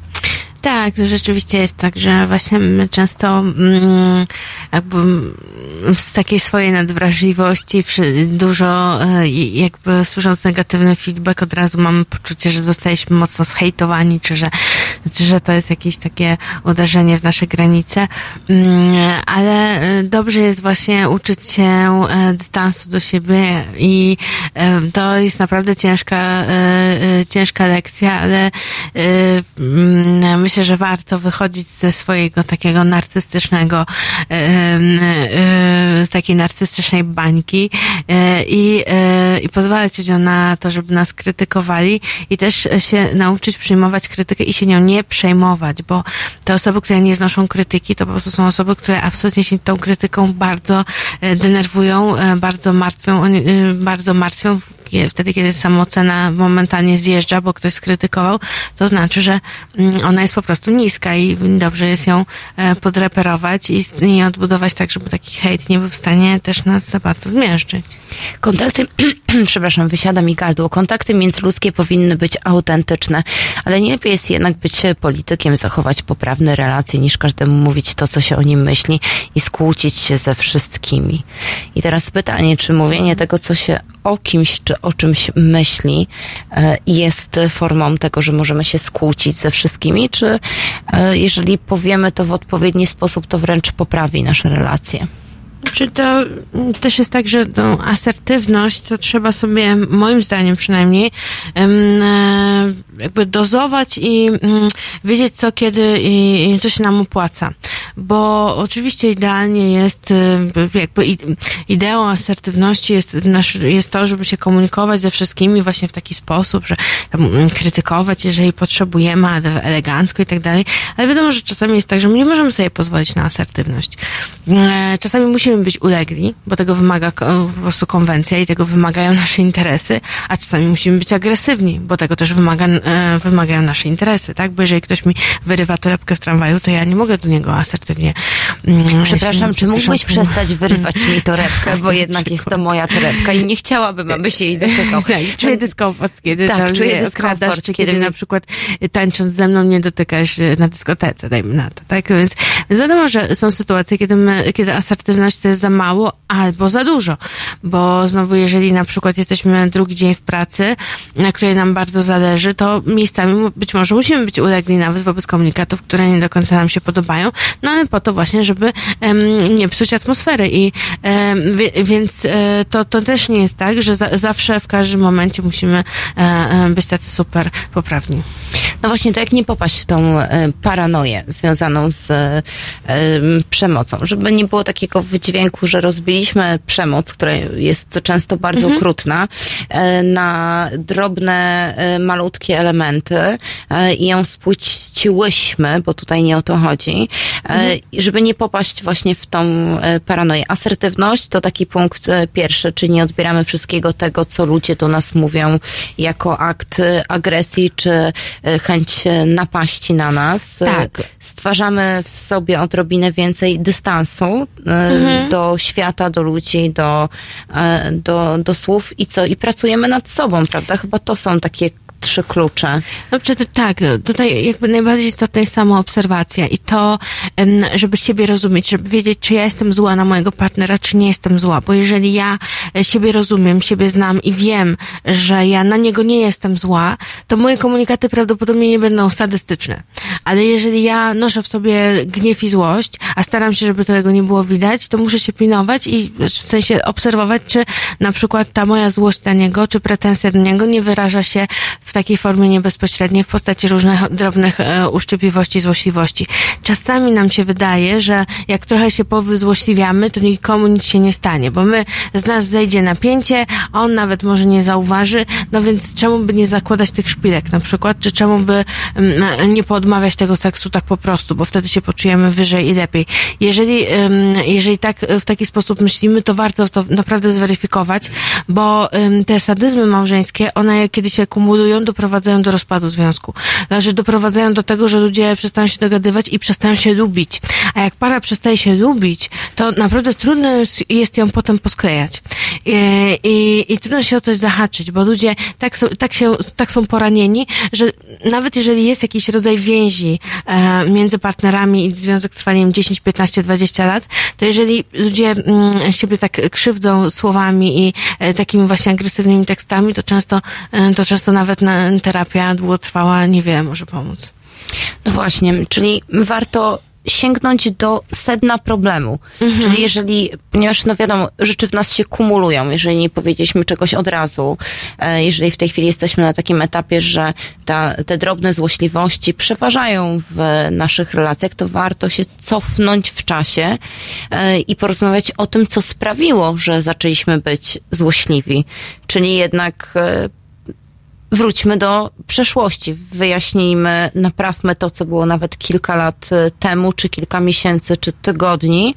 Wytłumaczmy, że nasze zachowanie przez ostatnie miesiące, e, dni, godziny, tak, było spowodowane tym czymś właśnie z e, przeszłości. Zapomnijmy i pójdźmy dalej. Dokładnie, dokładnie. To jest, e, to jest taki, mm, mm, myślę, że to jest dobra, e, mm, jakby dobre podsumowanie tego, żeby jednak e, też pamiętać, co jest dla nas ważne i tą hierarchię mieć odpowiednio postawioną. No właśnie, przejdźmy teraz e, do tego mm, jakby cięższego kalibru, e, czyli mamy w tej chwili czas, gdzie mm, bardzo mocno postawiło się nacisk na kampanie społeczne związane z przeciwdziałaniem przemocy wobec kobiet. Jest to wszystko spowodowane 25 dniem listopada, e, gdzie została podpisana odpowiednia umowa, mm, która reguluje co jest y, przemocą, co nie.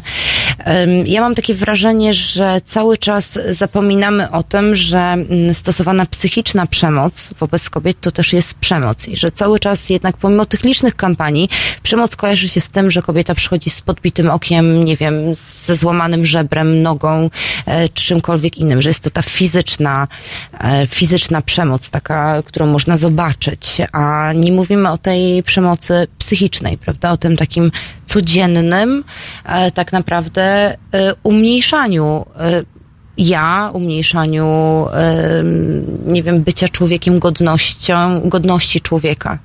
Mhm. Rzeczywiście no, ta rodzaje przemocy psychicznej e, są e, na pewno bardziej subtelne, trudniej jest je zauważyć i trudno też je w sobie rozpoznać. I ja czasami obserwuję, że na pacjenci e, czasami sami e, nie dostrzegają, że są ofiarami przemocy psychicznej. I już tutaj nie mówię właśnie o tych drobiazgach, o których mówiliśmy wcześniej, tylko kiedy naprawdę granice są drastycznie przekraczane. E, kiedy, kiedy dochodzi do wyzwisk, kiedy dochodzi do takiego e, poniżania, e, lekceważenia, dewaluowania, e, totalnego obniżania poczucia własnej wartości, poczucia własnej skuteczności, efektywności, atrakcyjności w sposób permanentny, w sposób ciągły.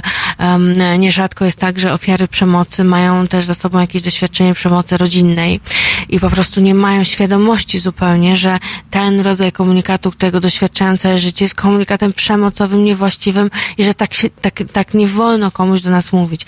I, I nierzadko dopiero trafiając do specjalisty uzmysławiają sobie, że no, tak poprawne e, funkcjonowanie nie wygląda. I, I to są często dramatyczne historie. Mm, One się dzieją e, często, dlatego że ludzie w dzisiejszych czasach bardzo się stresują i słabo sobie radzą ze stresem, przez co e, takim kolejnym ogniwem e, po pracy jest zazwyczaj e, współmarzonek, e, na, nad którym e, często e, dochodzi do wyżywania całej swojej frustracji. No to przykre, ale rzeczywiście to warto o tym porozmawiać e, trochę, dlatego że skutki przemocy psychicznej e, dla naszego funkcjonowania są olbrzymie i ta wiktymizacja, która się dzieje, czyli te stopniowe popadanie, wchodzenie w rolę ofiary, nie tylko polega na tym, że nam jest przykro, tylko że my, jakby doświadczając przemocy, em, jesteśmy narażeni na, na taką, mm, na zaburzenie e, naszego poczucia w ogóle tego, kim jesteśmy, e, jakie jesteśmy, jaką mamy wartość i ten, e, ta nasza tożsamość zaczyna się bardzo negatywnie zmieniać i kształtować, więc, więc skutki przemocy warto też, myślę, żeby, żebyśmy o tym porozmawiały. No właśnie i do tego, czym jest przemoc psychiczna i jak sobie z nią poradzić, wrócimy po krótkiej przerwie.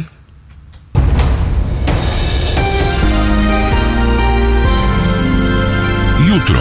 Od 19 do 21 Renata Gluza i jej goście pokażą Państwu, że dziennikarstwo może być misją i może czynić dobro. 19.21. www.halo.radio. Słuchaj na żywo, a potem z podcastów.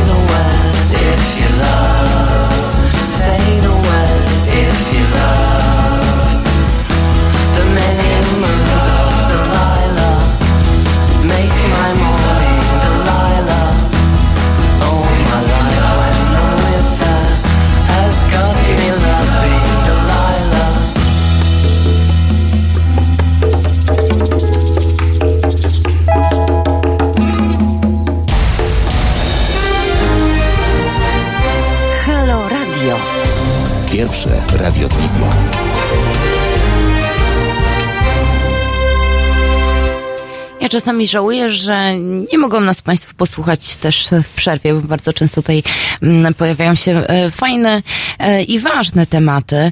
E, I właśnie rozmawiałyśmy przed chwilą o tym, że często w związkach ta przemoc psychiczna trwa przez całe lata Mm, i że ostatnio przeczytałam historię kobiety, która trafiła na terapię przez przypadek, bo nie radziła sobie z sytuacją związaną z życiem jej dorosłych e, dzieci. E, I na tej terapii uzmysłowiła sobie, że przez e, kilkanaście lat e, trwania małżeństwa była ofiarą przemocy psychicznej. Kiedy zaczęła się przeciwstawiać swojemu, nazwijmy to, oprawcy, doszło do mm, eskalacji, czyli tak naprawdę przemocy fizycznej, czyli została przez tego swojego partnera, męża dość dotkliwie pobita. I taką przemoc jesteśmy w stanie szybko zauważyć, bo jeżeli ktoś nam zrobi krzywdę fizyczną, to wiemy, że coś jest nie tak. Ale w momencie, kiedy ktoś bardzo sprawnie, codziennie, e, czy no wiadomo, no codziennie dopuszcza się przemocy psychicznej, to bardzo trudno jest nam to e, zobaczyć, a jednak psychologowie mówią o tym, że te rany fizyczne goją się szybko, a te psychiczne zostają na całe życie. Mm, Rzeczywiście tak jest, że kiedy my e, jesteśmy ofiarami e, przemocy psychicznej, to czasami w ogóle sobie z tego nie zdajemy sprawy i musimy minąć naprawdę dużo czasu, żebyśmy, żebyśmy jakby rozpoznali, że to ten, ta forma komunikacji z naszym na przykład partnerem opiera się na przemocy. I są osoby, które przez całe życie mogą nie doświadczyć, nie, nie, nie zauważyć tego, że ich depresyjność, ich obniżone poczucie własnej wartości nie, nie wzięło się z księżyca, tylko wzięło się z takiego stopniowego, stopniowego obniżania em, poczucia własnej skuteczności, e, czy poczucia własnej wartości właśnie przez partnera, który, nie wiem, niewybrednie e, nas e, komentował. I czasami te komentarze nie są bardzo dotkliwe, to nie są, to nie jest obraza, ale wystarczy, że są permanentnie stosowane takie, nie wiem, podważanie na przykład tego, co mówimy, czy podważanie naszej inteligencji, em, żeby, żeby mm, długofalowo po prostu stracić poczucie wartości. Oczywiście e, tutaj na pewno pojawią się głosy, że własną wartość trzeba budować w oparciu o siebie, a nie w oparciu o kogoś. Ja się z tym zgadzam, Ale y, świat tak wygląda też, że są osoby, które no, nie mają tej świadomości, jednak budują tą swoją wartość na tym, co mówi partner, co mówi ukochana osoba. Y, Bardzo ufają temu, że partner, no, jak coś mówi, to pewnie chce dobrze, albo pewnie jakby ma rację, może widzi jakoś inaczej. I ci ludzie, którzy nie mają silnego poczucia własnej wartości startowo, e, e, będą się takich, e, do takich wypowiedzi odnosić jakby z refleksją dużą i, i, i, i, się i brać się do siebie, co nierzadko grozi tym, że osoba na przykład jest ofiarą przemocy, nie mając świadomości, no i funkcjonuje w takim układzie i później też takie zachowania na przykład przekazuje swoim dzieciom. Bo jeżeli dziecko widzi, że mama się po prostu biernie poddaje surowym komunikatom ojca i mama biernie przyjmuje krytykę ojca bezpodstawną, złośliwą, taką bardzo agresywną, to taka dziewczynka na przykład uczy się, że taki model komunikacji jest w zasadzie takim standardem. E, przez to na przykład później mężczyzna sam ją obraża i ona nie, nie potrafi tutaj zaoponować, nie potrafi bardzo często jakby zachować się inaczej, bo ma ten skrypt wyniesiony z domu, że, że na przykład tak wygląda komunikacja z mężczyzną. Albo po prostu na przykład nie wchodzi w związki z mężczyznami, tak, bo, bo z obawy przed takimi e, zachowaniami, więc to bardzo patologizuje i, i żonę, i na przykład w rodzinie żonę, ale też i dzieci. No właśnie, ale też coraz częściej mówi się o tym, że nie tylko kobiety stają się ofiarami tej przemocy psychicznej, ale coraz więcej badań, opracowań i coraz więcej e, panów, którzy zgłaszają się do specjalistów, że e, w domu są ofiarami e, przemocy nie, często też fizycznej. Wydawałoby się, że kobieta kruchą istotą jest, a tutaj okazuje się, że też e, niestety działa to w drugą stronę, prawda, że mm, coraz częściej to kobiety są tak naprawdę oprawcami. Mm, to chyba też wynika ze zmiany e, obecnego stylu życia, że kobiety pracują, są niezależne finansowo, są częściowo bardziej świadome e, siebie i potem, tak no, krótko mówiąc, gnoją tych swoich partnerów e, w domu, którzy na przykład mają niższe stanowiska w pracy, czy, czy mm, zarabiają mniejsze pieniądze. Następuje takie odwrócenie.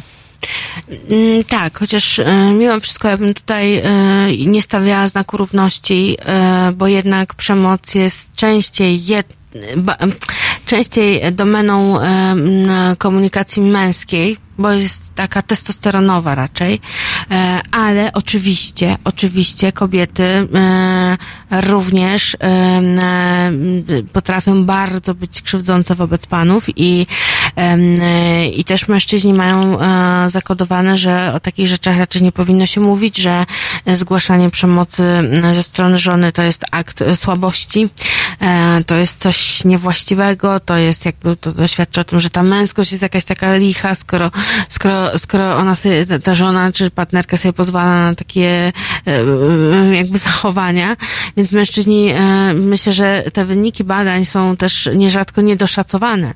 Właśnie dlatego, że mężczyźni się wstydzą przyznawać, że są ofiarami przemocy. Fizycznej to już w ogóle się wstydzą, a bardzo często są, znaczy częściej nam, niż nam się wydaje, ale psychicznej również. I mm, rzeczywiście to, to i, i to właśnie się sprowadza do tego, o czym mówiłyśmy na początku, że te drobne sadyzmy małżeńskie, jeżeli nie zostaną zatrzymane, to one bardzo często przeistaczają się w już prze, przemoc psychiczną. I wtedy, mm, i wtedy taka przemoc psychiczna w związku właśnie opartym o, o małe, drobne sadyzmy nierzadko występuje tak samo e, po jednej i po drugiej stronie. E, Więc kobiety też często e, po prostu w innej formie się e, pastwią nad mężczyznami, ale e, trzeba to też przyznać, że dobrze by było, gdyby mężczyźni bardziej e, otwarcie o tym też mówili. Natomiast e, mężczyźni też mają w sobie często blokady przed tym, żeby przyznawać się do tego, że jakieś słowa ich ranią, że, e, że, że czują się skrzywdzeni. Mężczyźni często przyjmują taką postawę trudno, wisi mi to, trudno, niech ona tak do mnie mówi, mam to gdzieś, mam to w nosie, ale, ale później na przykład, kiedy pojawiają się na terapii, okazuje się, że wszystkie epitety pamiętają doskonale i bardzo one, bo ich bardzo ich one bolą.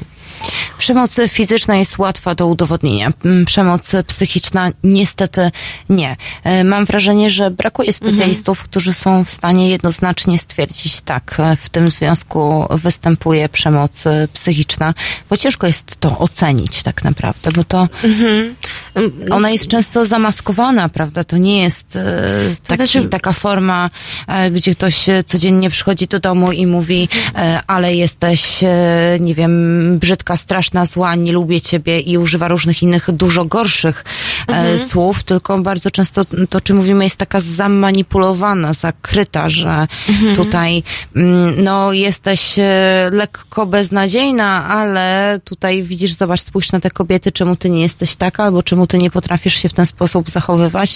Nie wszystkie baby są takie jak ty. Mhm. E, przez takie trochę ugrane słowa. Ja mam wrażenie, że e, kiedy już para, e, czy kiedy już osoba trafia do specjalisty, do psychologa, to na przykład na terapię par, e, to przemoc w relacji rozpoznaje się bardzo szybko. E, I nawet jeśli się partner bardzo stara e, nie pokazać, że jest przemocowy, e, to i tak e, to widać po prostu. Znaczy, to, to psycholog widzi. E, Nawet jeżeli ktoś się bardzo stara to ukryć, to po prostu to wychodzi gdzieś e, w jakichś drobnych gestach czasami, czy drobnych takich przytykach, czy czasami może być tak, że mężczyzna milczy przez pół terapii, jak już jedno zdanie powie, to już widać, że uho, czyli to, to musi być e, przemoc. Oczywiście nie, to nie jest tak, że terapeuci szufladkują momentalnie, że o, mamy tutaj sprawcę przemocy, ale też dopytujemy, sprawdzamy jak jest, prosimy jakby o komentarze, no i zazwyczaj po nitce, po nitce do kłębka udaje nam się dojść do tego, że no tak, mamy tutaj do czynienia z, do czynienia z przemocą psychiczną. Też nierzadko jest tak, że są pewne cechy osobowości tych partnerów przemocowych. Em, To jest bardzo często taka właśnie wysoka arogancja, poczucie takie, że, że ja wszystko wiem najlepiej, ja jestem tutaj taki, taki, taka, takie wyższy, bardzo takie wyższościowe podejście do, do na przykład partnerki e, i, i nierzadko e, po prostu osobie jest trudno też ukryć swoje cechy osobowości, tak? Może ukryć swoje zachowania i nie opowiedzieć na przykład o tym, że jaką przemoc stosuje, tylko udawać, że na przykład jest wszystko super i po prostu on jest wręcz skrzywdzony, no ale to czasami po prostu już po cechach osobowości, e, po tym jak ktoś się zachowuje, jak ktoś na przykład przerywa żonie, tak? Czy, czy, czy, czy na przykład patrzy się z, e, czy, mm, jakby z taką agresją, kiedy ona coś mówi i tam komentuje pod nosem.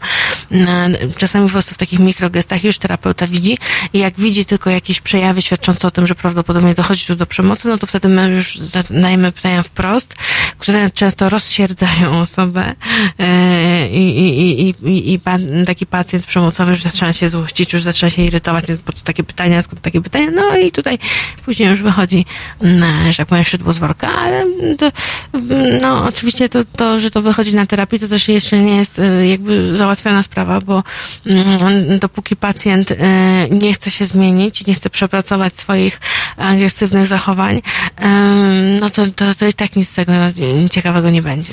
No tak, ale pytanie, czy wtedy można kontynuować e, terapię par? I na to pytanie odpowiemy już e, po przerwie, bo wiadomo, każdy może się zmienić. E, Kult przed nami. Polska.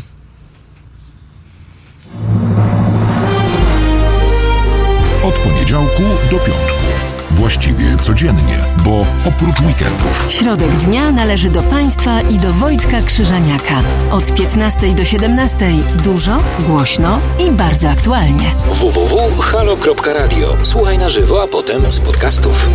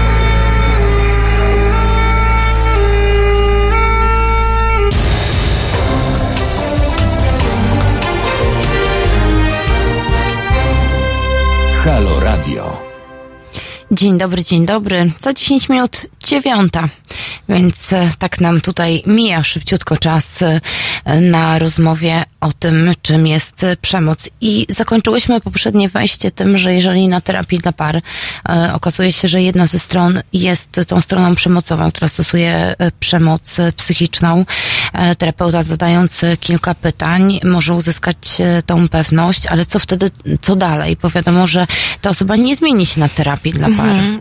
Jeśli, e, jeśli podczas terapii par okaże się, że jedna ze stron e, stosuje przemoc, to mm, e, są różne strategie. Zazwyczaj jest tak, że terapia par jest kontynuowana, ale osoba jest odsyłana mm, na swoją własną terapię albo właśnie na trening radzenia sobie ze złością.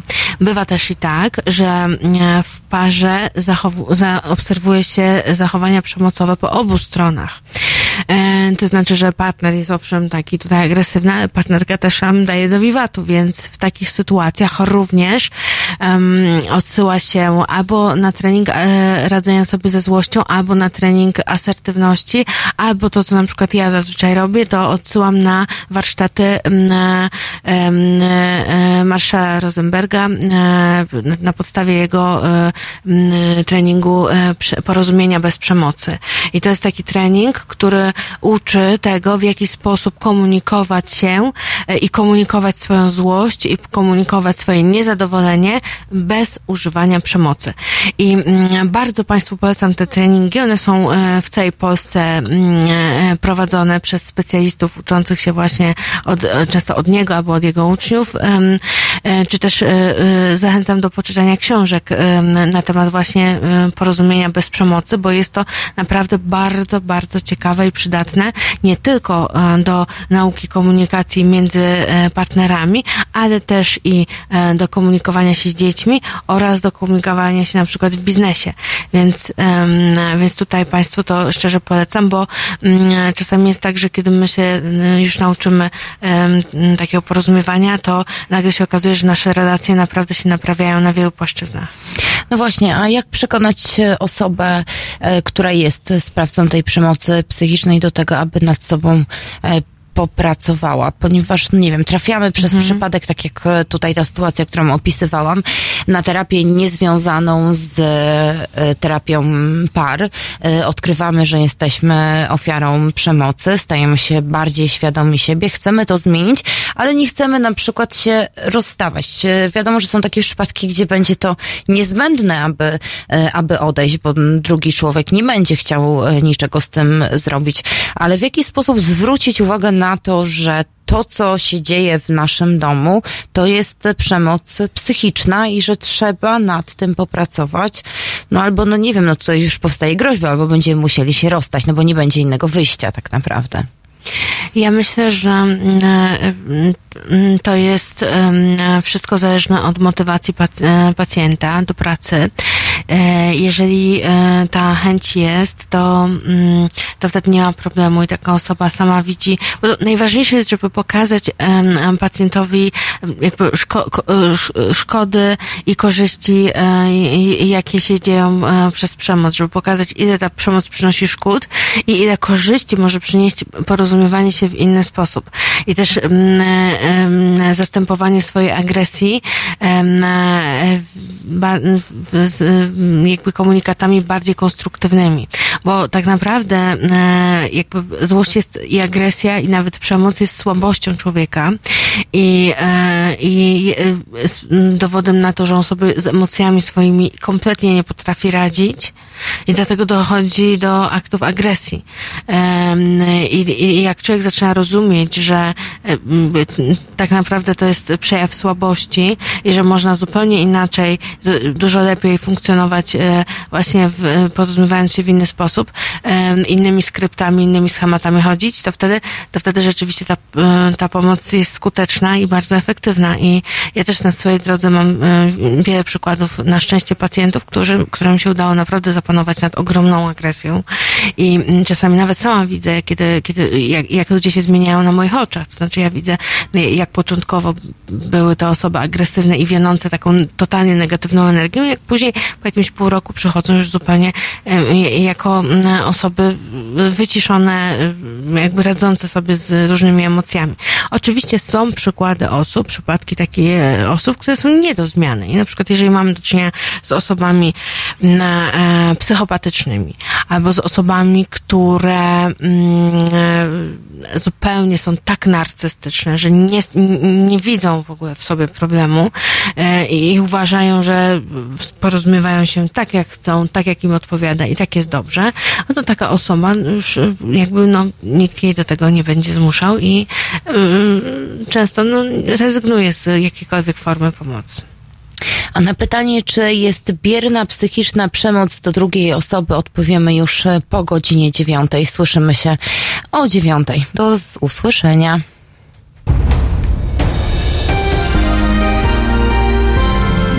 We wtorek. Od 21 do 23 telefony od Państwa odbiera Radek Masłowski. Rozmowa, dialog, zrozumienie i żadnej agresji. 21-23. Zapraszamy. www.halo.radio. Słuchaj na żywo, a potem z podcastów.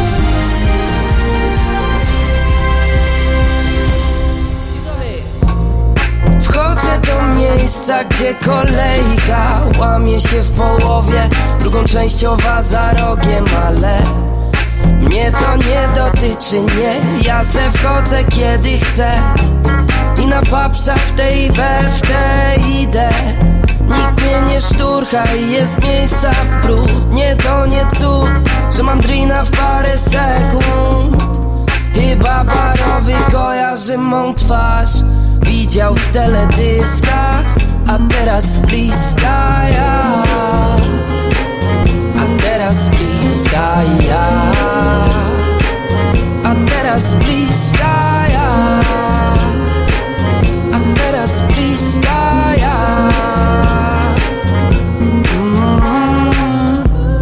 Wpływam na parkiet jak rozgrzany wosk. Zadaję cios, dwa kroki w bok, obrót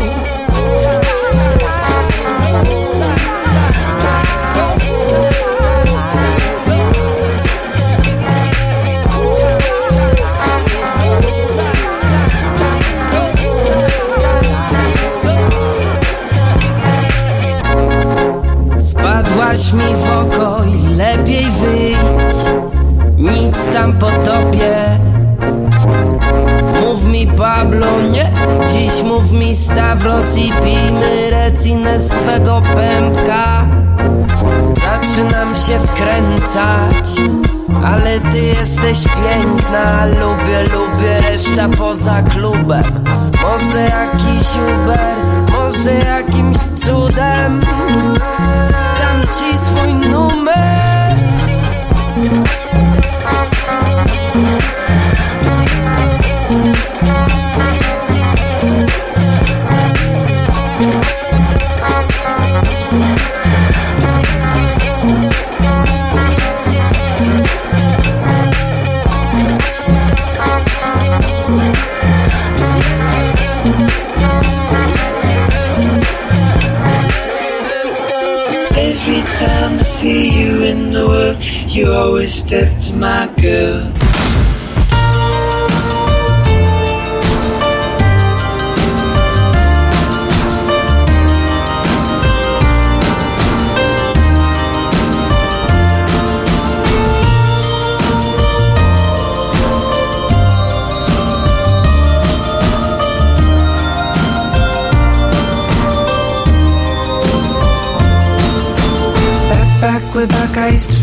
front like Andrew at Mechanicsburg, Anchorage, and Dar es Salaam. Well, home in New York with champagne and disco, tapes from LA slash San Francisco, but actually Oakland and Alameda. Your girls in Berkeley with a communist reader. Mine was in tune with a boombox and Walkman. I was a horrible girl that was back then.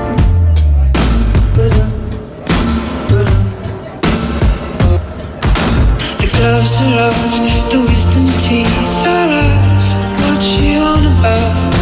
I feel it in my bones. I feel it in my bones. I'm stronger now. I'm ready for the high. Such a modest mouth. I can't do it alone. I can't do it alone. Every time I see you in the world, you always step to my girl.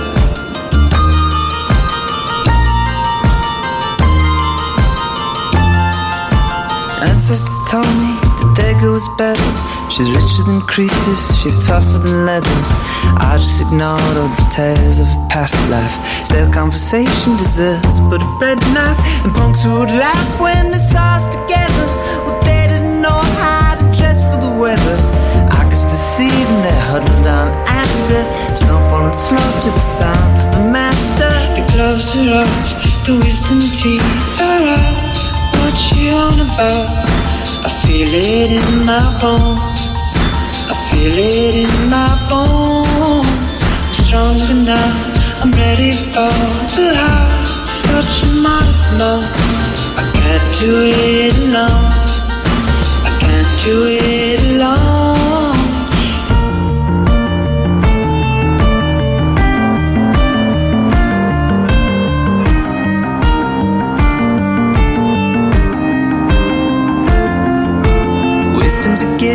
Gift, but you trade it for youth. Ages in honor to stand up the truth. We saw the stars when they hid from the world. You cursed the sun when it stepped to your good.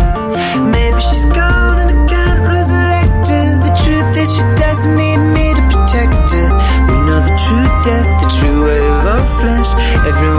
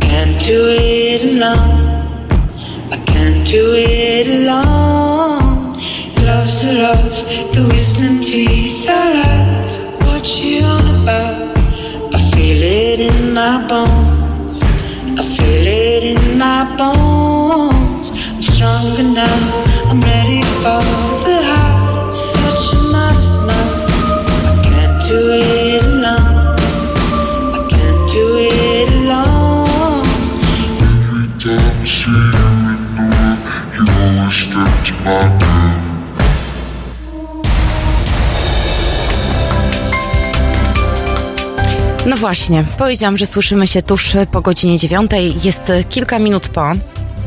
Czy istnieje coś e, takiego jak bierna psychiczna przemoc? Czy przemoc może być bierna? Tak, e, tutaj e, to pytanie pewnie, e, w tym pytaniu pewnie chodzi o takie zachowania, na, kiedy ktoś na przykład czegoś nie robi. E, Tak jak mówiliśmy o tym seksie, w którym ktoś po prostu nie, e, jakby nie, nie, nie, nie chce, nie chce uczestniczyć i, i się odmawia na seksu, no to, e, to odmawia seksu cały czas, no to można by rzec, że to ma jakby elementy bierności w sobie, taka, takie coś zawiera. E, Więc e, może być też bierna przemoc, kiedy mm, my na przykład e, nie reagujemy zupełnie, kiedy dzieje się krzywda. Na przykład, kiedy mamy w pracy, nie wiem, koleżanki dwie, które się kłócą i trzecia, jedna jest ewidentnie oprawcą, druga jest szykanowana, a trzecia, która się przygląda, mówi, ja nie wiem, nie mam zdania w tej kwestii. To nie moja sprawa. przykład, To nie moja sprawa, wy się kłóćcie same, mimo że na przykład ewidentnie jest tutaj, dochodzi do aktów przemocy, no to wtedy też e, ta, ta, która nie wie, ona nie widziała, no to to też są zachowania przemocowe. E, Mimo, że ktoś nie był oprawcą, ale jeżeli ktoś się w taki sposób jakby odżegnuje, że nie, ja nie wiem, ja tutaj nie, nie wtrącam się, załatwcie to same, no to też oczywiście e, jest to, doprowadza to do tak zwanej wtórnej wiktymizacji, czyli do mm, takiego poczucia, że do, do, taki, do takiego znowu poczucia, że osoba mm, jest e, no, no, już całkowicie zdana na siebie. No właśnie, reagować za każdym razem, kiedy widzimy, że dzieje się przemoc, reagować bezpośrednio, czy Jeśli możemy, sytuację? jeśli możemy, to warto jest reagować, bo e, jakby przyzwalanie na to, że na przemoc wokół nas jakby doprowadza do jej coraz większej eskalacji. Oczywiście czasami e, jest to bardzo trudne, bo myślę teraz cały czas o mobbingu w pracy. Nie wiem, dlaczego ten temat mi się jakoś pojawił w głowie i, i tutaj rzeczywiście czasami my chroniąc swoje stanowisko, na przykład nie chcemy się wtrącać w jakieś e, historie czy, czyjegoś mobbingu, bo Bo boimy mamy... się, że też stracimy pracę. E, Tak, zresztą bardzo często jest też tak, że osoba, która, e, e, która e, broni osoby mobbingowanej, sama także staje się ofiarą mobbingu. Więc, e, więc trudno jest czasami się postawić po którejś ze stron, po, po stronie ofiary właśnie, żeby samemu jakby nie być zaatakowanym. Ale myślę, że dobrze jest mieć jednak taką postawę społeczną, że się sprzeciwiamy przemocy, bo e, takie, e, im więcej sprzeciwu, tym większa szansa na to, żeby coś zmienić. A jeżeli będziemy się godzić i odwracać głowę na zasadzie, to nie jest moja sprawa, no to, to ja się do tego nie mieszam, no to jakby mm, mm, mm, poniekąd też będziemy tutaj współuczestniczyć w takich aktach. No właśnie, ale jeżeli chodzi o taką przemoc domową, y, Mhm. To myślę, że trudno jest na przykład zwrócić uwagę parze zaprzyjaźnionej, że coś u nich dzieje się nie tak, a też powinniśmy zareagować, jeżeli widzimy, że na przykład, nie wiem, nasz kolega czy, czy nasza koleżanka Mhm. jest oprawcą względem swojego partnera, partnerki Mhm. e, i następuje ta przemoc psychiczna, ale to może się spotkać z bardzo dużą agresją z e, tej drugiej strony, bo mm, jeżeli ofiara chyba nie jest gotowa na to, aby y, przyznać się do tego, że jest ofiarą Mhm. e, przemocy i zacząć coś z tym robić, to możemy nie tylko stracić przyjaciół, ale też stracić taką możliwość ochrony tej drugiej osoby. To wszystko zależy, jakim językiem się też posługujemy, bo jeżeli wobec swoich przyjaciół jesteśmy, na, jesteśmy mm, na taki, tacy bardzo, powie, nazwiemy rzeczy po imieniu, em, powiemy, słuchaj, to jesteś ofiarą przemocy, mm, czy to, co, co się między wami dzieje, podchodzi pod przemoc y, y, psychiczną. Mm, Jeżeli będziemy używać mocnych słów do osoby, która jakby wcześniej sobie zupełnie nie zdawała sprawy z tego, no to rzeczywiście ją tylko zrazimy. Natomiast dobrze jest bardziej em, w subtelny sposób poinformować, że widzimy, że coś się dzieje nie tak, że te komunikaty są um, jakby w naszym odczuciu bardzo ostre. Um, do, dobrze jest też y, jakby w miarę delikatnie na, zauważać u naszych partnerów, u naszych przyjaciół to, co, to, co się dzieje. Jeżeli naszym przyjacielem jest oprawca, no to również jakby pokazać mu nie na zasadzie takiej jakby najazdowej, czyli na takiej zasadzie agresywnej. Słuchaj, co ty wyprawiasz, ty jesteś przemocowcem, tylko raczej spróbować też z nim pogadać, bo jeżeli my na kogoś naskoczymy, że słuchaj, to jest przemoc, co ty wyprawiasz, no to po prostu ta osoba się od nas odwróci i obrazi. Natomiast bardzo raniące jest mm, inna, inna sytuacja, a mianowicie taka, kiedy e, osoba, która jest ofiarą przemocy mówi nam o tym, że doświadcza przemocy, a ze strony przyjaciół jest takie, co? On ci sprawia przemoc? Przecież to jest osoba e, w porządku, przecież to jest fajny człowiek. E, e, Dlaczego ty tak o nim mówisz? Nie, na pewno jesteś pewna, może go prowokujesz trochę do takich e, e, aktów. Więc takie coś, my w psychologii mówi, mówimy, że to jest wtórne zranienie i to jest mm, jakby, no, to, jest coś, co zupełnie obcina skrzydła ofierze. To znaczy, jeżeli ona jakby w końcu decyduje się na to, żeby powiedzieć komuś o tym, że jest ofiarą przemocy i spotyka się z takim nie, niedowierzaniem, to ją to bardzo zamyka w sobie. Ale często to niedowierzanie wynika z tego, że jeżeli dwoje ludzi ma, powiedzmy, wysokie stanowiska, są wykształceni, e, na pozór tak naprawdę... Bardzo często lubiani też, jak to lubiani, jest w przypadku e, psychopatów. Tak, e, lubiani przez środowisko, to ciężko jest nam uwierzyć. Jeżeli jest to rodzina, powiedzmy, z nizin społecznych, to w tym momencie, no dobrze, no dochodzi u nich do przemocy. Ale tak w tych wyższych sferach, tak to nas uprośćmy, no jak to możliwe? Przecież ona i on są wykształceni, mają Inteligentni. e, inteligentni mają Tak. pieniądze, niczego im w życiu nie brakuje, to jaka tam przemoc? Tam się e, co najwyżej posprzeczali. Okazuje się, że za Mhm. takimi e, drzwiami tak naprawdę rozgrywają się często dużo gorsze dramaty niż e, wśród tych rodzin z dużo niższym statusem społecznym czy statusem Mhm. finansowym. Wciąż pokutuje stereotyp, że przemoc jest zarezerwowana dla tylko pewnych grup e, zawodowych, społecznych, że nie wiem, osoby wykształcone, czy nie wiem, osoba, która na przykład jest psychologiem, raczej nie jest e, sprawcą przemocy. No, może się to Państwu tak wydawać na przykład. Ale nie jest to prawda, bo e, przemoc mogą, stosują ludzie w, mający przeróżne zawody, bardzo często zawody zaufania publicznego, bardzo często zawody, w których e, teoretycznie byśmy w życiu nie spodziewali się, że ktoś taki może, mm, ktoś, nie wiem, mm, mający takie wartości może posługiwać się przemocą, ale mm, to, że ktoś ma jakiś zawód, czy że coś mu się w życiu udało, czy że na przykład ma wysoki ilo- iloraz inteligencji, zupełnie nie musi iść w parze z tym, jak sobie radzi z emocjami, bo za emocje odpowiada e, prawa półkula, a za nasz intelekt lewa. Więc to, że lewa działa super, to nie znaczy, że prawa, e, że pra, w prawie nie ma kłopotów.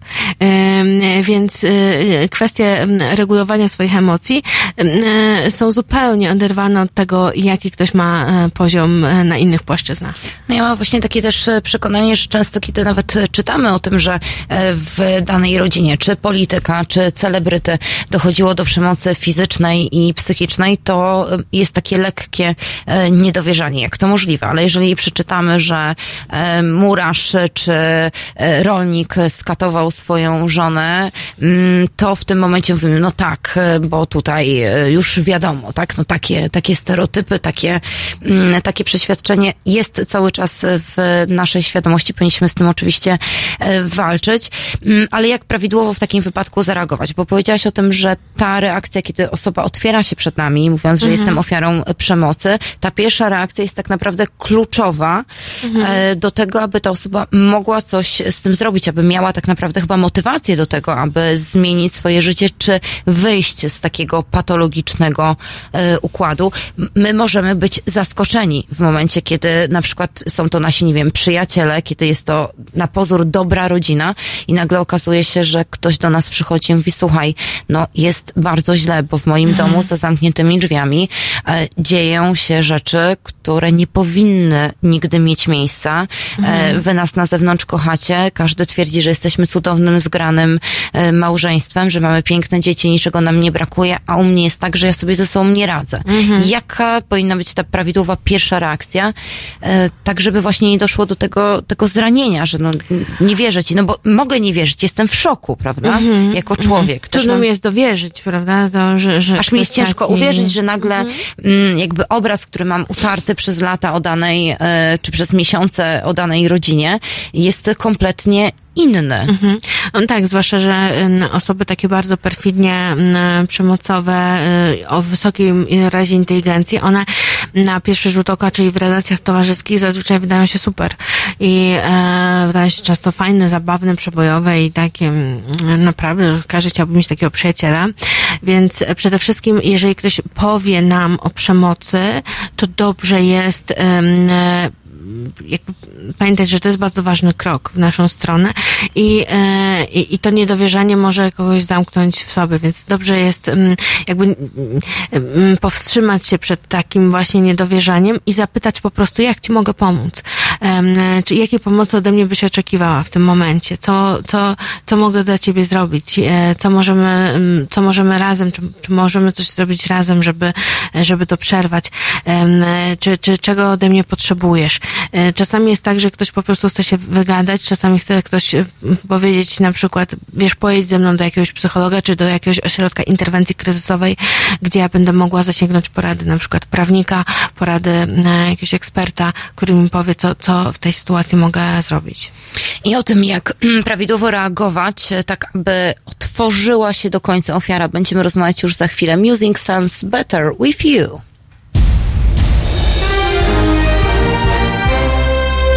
Jutro. Od 17 do 19 Estera Prugar i jej kulturalnie muzyczni goście. 17-19. www.halo.radio. Słuchaj na żywo, a potem z podcastów.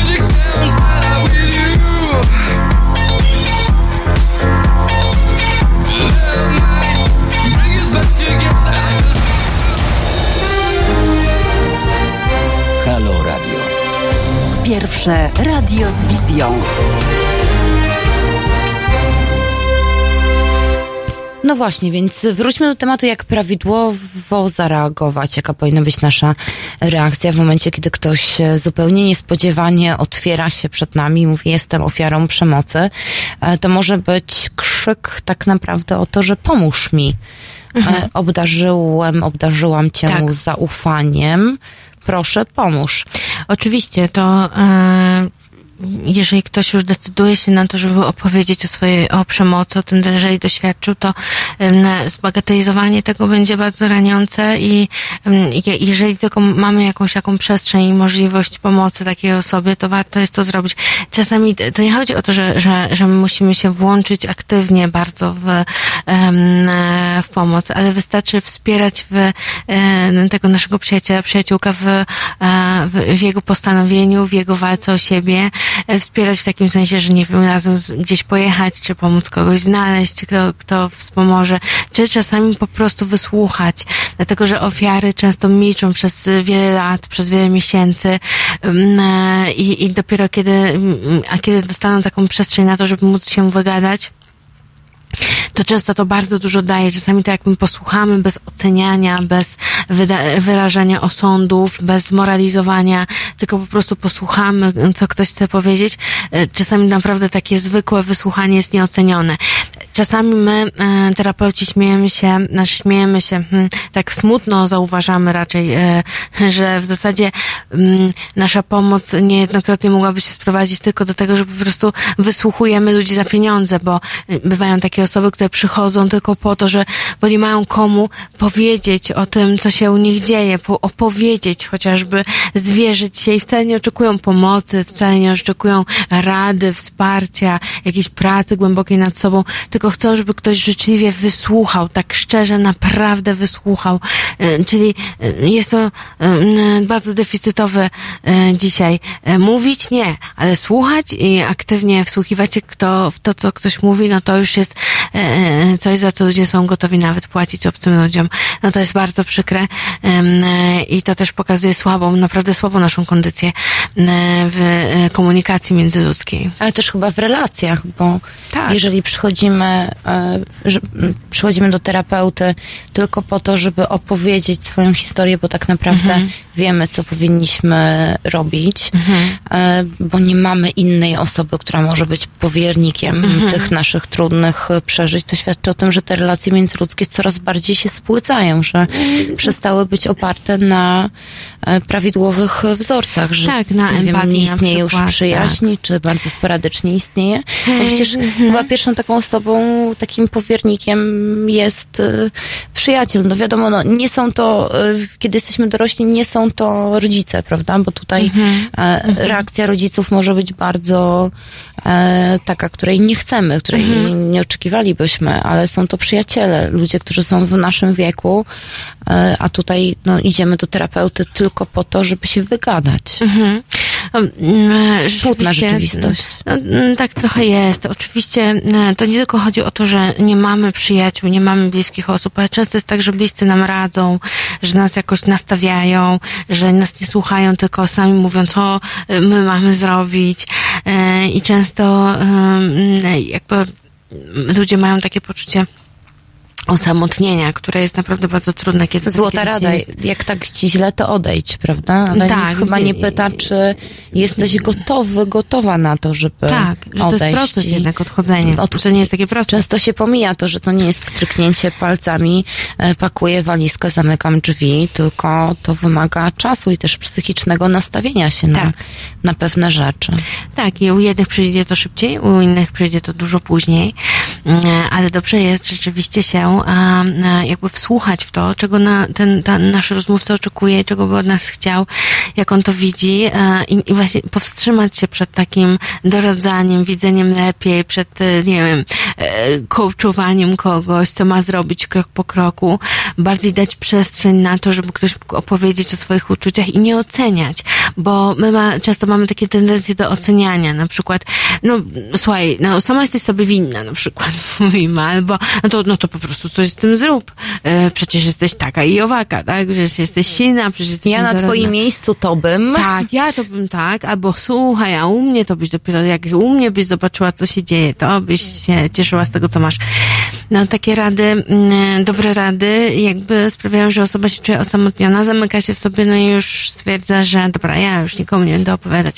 Więc ja cały czas właśnie optuję o tym, to, o czym mówiłam na początku, o słuchaniu, że jakie słuchanie jest ważne. Słuchanie, aktywne słuchanie, czyli dopytywanie, zadawanie więcej pytań, więcej milczenia, więcej, więcej mm, próby zrozumienia kogoś, niż od razu wyrażania siebie w tej rozmowie w gruncie rzeczy o kimś, nie o nas. A czy taki komunikat, y, jestem tak bardzo zszokowana, zszokowany z tym, o czym mi mówisz, że nie wiem, jak mam zareagować, to po Mhm. prostu ciebie posłucham, będzie dobrym komunikatem? E, e, e, Tak, chociaż pamiętajmy, żeby nie obciążać swoim komunikatem naszego rozmówcy. I pamiętasz, kiedyś rozmawiałyśmy o tym, żeby na przykład mm, nie płakać i nie zalewać kogoś łzami. Mówiłyśmy w kontekście chyba śmierci i żałoby o tym. I, i tak samo, i tak samo tutaj pamiętajmy, żeby nie zalewać tego naszego rozmówcy swoimi uczuciami. Czyli Żeby na nie przykład, dołożyć mu kolejnego problemu. tak, tak, bo y, są takie osoby, które każdy problem przenoszą na siebie i y, one stają się jakby w centrum tej rozmowy. Jak ja to strasznie przeżywam, co cię spotkało, na przykład i kobieta zaczyna, przyjaciółka zaczyna płakać, o Boże, świat jest taki straszny i całą swoją A jakby ty jesteś fokus... taka cudowna, jak to mogło Tak. dotknąć tak wspaniałą osobę jak ty. Tak, i, i przez to, że jesteś taka cudowna, ja się nie mogę z tym pozbierać, to jest dla mnie takie trudne, czyli przenosimy wtedy uwagę na siebie. Dobrze jest właśnie w słuchaniu e, aktywnym i w takim słuchaniu prawidłowym w komunikacji. Chodzi o to, żeby nie przerzucać uwagi na siebie z rozmówcy, żeby ten rozmówca był w centrum uwagi, a nie my. Czyli zadać pytanie, jak się czujesz? Mhm. A pytanie, czego ode mnie oczekujesz? Mhm, tak, jak ci Jak mogę, mogę pomóc, pomóc? Tak, chcę ci jakoś pomóc. Oczywiście dobrze jest wyrazić swoje uczucie, że no jest to dla mnie też trudna informacja, ale na tym koniec, prawda? Raczej skupić się na, na tej drugiej stronie, poprosić ją, żeby opowiedziała, czy może ma ochotę coś nam więcej o tym opowiedzieć, e, chociaż domyślamy się, jakie to jest trudne. E, i, I takie komunikaty otwierające, zapraszające do rozmowy będą otwierać coraz bardziej tego naszego rozmówcę. Istnieje mm, taka świadomość, że dopiero dorośli mają uczucia. Coś, co było kiedyś, to nic nieistotnego. Taka, taki komentarz się pojawił.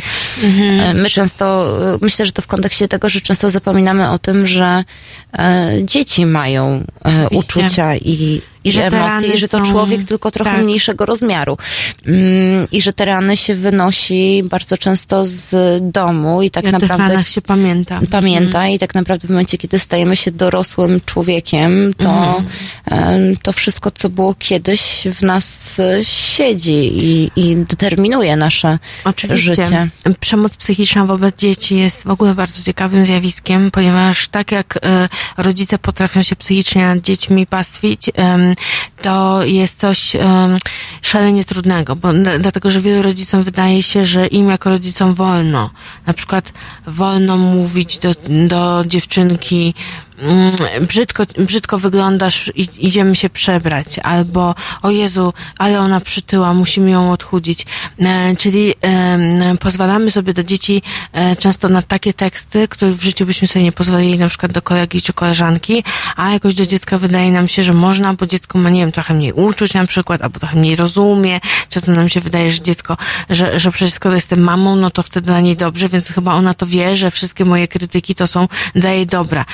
Rodzicom się często wydaje, że dla dziecka to jest oczywiste, tymczasem no, jasna sprawa, że, że, że e, tak nie jest i raniące słowa rodziców są zapamiętywane i kodowane na całe życie i mogą naprawdę zaważyć e, i to nie są za duże słowa, mogą zaważyć na, całe, na całej przyszłości, na czyimś poczuciu własnej wartości albo też w tego, jak wchodzi w relacje, czy z ufnością, czy z nieufnością.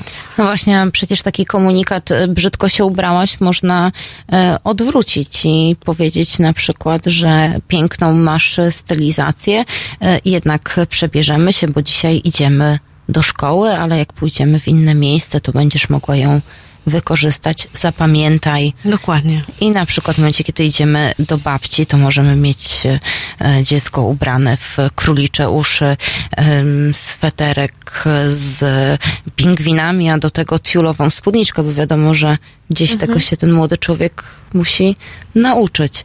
Mm, Więc pamiętajmy o tych dobrych komunikatach. Night Air przed nami.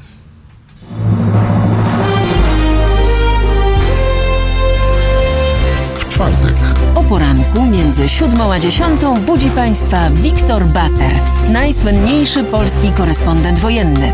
Teraz stacjonarnie w Halo Radio. Polityka zagraniczna, a sprawa polska. Od siódmej do dziesiątej. www.halo.radio. Słuchaj na żywo, a potem z podcastów.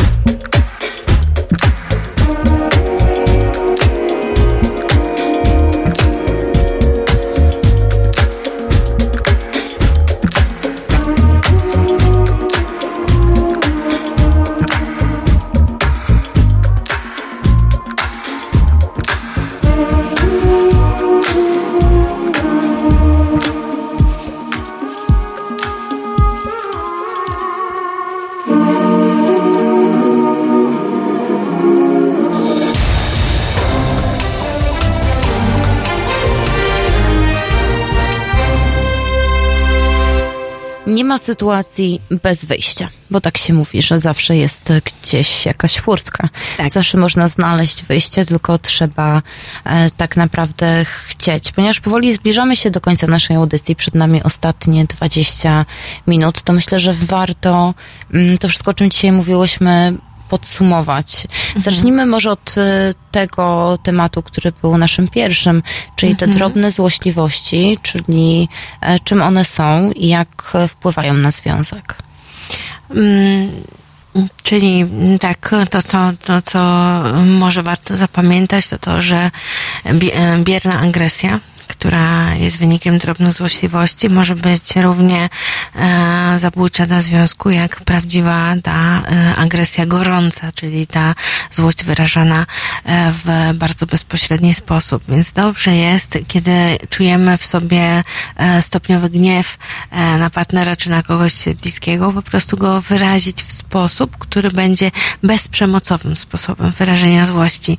E, Czyli tak powiedzieć e, ten komunikat o tym, że jesteśmy na kogoś źli, że czujemy się urażeni, że czujemy się niedobrze, w taki sposób, żeby on był e, z jednej strony mm, określony dużą dawką, e, dużą ilością szacunku, ale też, żeby był komunikatem stawiającym granice jakieś. E, Dlatego, że w momencie, kiedy my stawiamy granice, to to tak naprawdę ustawiamy relacje do pionu i sprawiamy, że, że związek może jakoś funkcjonować. Bo człowiek, który funkcjonuje bez granic, nie może stworzyć tej szczęśliwej relacji. Relacje, w których e, nie ma granic, są relacjami, które prędzej czy później są, się kończą, więc e, dlatego to jest takie ważne, żeby, e, żeby je stawiać, żeby porozumiewać się, ale właśnie w sposób bezprzemocowy. Co zrobić w przypadku, gdy zgłosi się do nas osoba, która jest ofiarą przemocy? Jeżeli e, ktoś z naszych bliskich doświadcza przemocy i nam o tym powie, to dobrze jest e, nie tylko wysłuchać, chociaż to jest kluczowe, e, wysłuchać, ale też zapytać, jak możemy pomóc. Czyli zachęcić na przykład osobę do tego, żeby poszukała specjalistycznej pomocy. Czyli, że pokazać jej, że nie jest sama w tym, że my jesteśmy otwarci i gotowi na to, żeby pomóc jej wydostać się z przemocowego układu, ale też i, że ma różnego rodzaju możliwości do wyboru. To jest ważne, dlatego że większość ofiar to osoby, które są e, w kole przemocy, czyli są gdzieś e, zależne bardzo często. Mają taką osobowość zależną, ale też i e, są niejako mają wrażenie, że są ubezwłasnowolnione przez swoich przemocowych na przykład partnerów. I takie osoby często czują, że nie mają siły sprawczej, więc dobrze jest je nakierować na to, że są instytucje i formy pomocy ofiarom. I to e, są tak zwane ośrodki interwencji kryzysowej, gdzie nie tylko będzie terapeuta, który pomoże, ale też będzie na przykład prawnik, który doradzi w jaki sposób wyjść z relacji, tak żeby nie, żeby nie, nie te, te finansowe obciążenia nas aż tak nie przytłoczyły. E, Jeżeli ktoś po naszej dzisiejszej rozmowie uznał, że to on jest tym agresorem, to gdzie może znaleźć pomoc? Oczywiście poza terapią. Czy są też takie, Mhm. Takie ośrodki, w których e, można nauczyć się radzenia sobie z e, Mhm. agresją, nie tylko fizyczną, mówimy też o agresji psychicznej. Jeżeli e, któryś ze słuchaczów czy słuchaczek jakby rozpoznaje w sobie te cechy agresywne, e, to wówczas e, jest e, dużo możliwości jakby poradzenia sobie. Oczywiście terapia, ale też i różnego rodzaju treningi. Trening zastępowania agresji, trening wyrażenia złości, trening porozumienia bez przemocy, czy po prostu trening asertywności.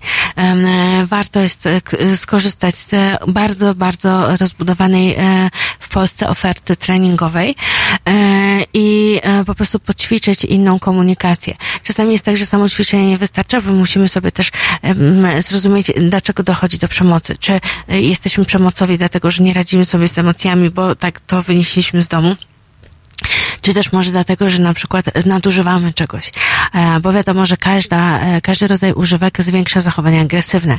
Nawet palenie papierosów, które teoretycznie robi się po to, żeby się uspokoić. Ale jeżeli my potrzebujemy jakiejkolwiek używki do regulacji emocji, to znaczy, że mamy z emocjami problem. I wtedy, e, więc, więc trzeba się zastanowić, czy, czy właśnie używki mają tutaj coś do powiedzenia, czy nasze jakieś schematy z dzieciństwa utarte, czy na przykład to, że w ten sposób wychodzi cała nasza frustracja, lęk, bo nierzadko jest tak, że złość e, przykrywa inne uczucia, przykrywa lęk, przykrywa smutek, rozpacz, więc e, też można e, czasami w psychoterapii, a czasami też ludzie samemu do tego dochodzą, zrozumieć, że pod tą złością kryje się w nas takie bardzo nieszczęśliwe, zagubione dziecko, którym jesteśmy tak wewnętrznie i które w ten sposób wyraża swoją dezaprobatę wobec świata. Czasami takie refleksje bardzo stopują zachowania agresywne. Czy możemy podrzucić dwa, trzy sposoby na to, jak radzić sobie z tymi zachowaniami agresywnymi? Właśnie, żeby co zrobić, jeżeli czujemy już złość, frustrację do tej pory, nie wiem, trzaskaliśmy drzwiami, e, mówiliśmy parę przykrych słów, to jak prawidłowo to rozładować?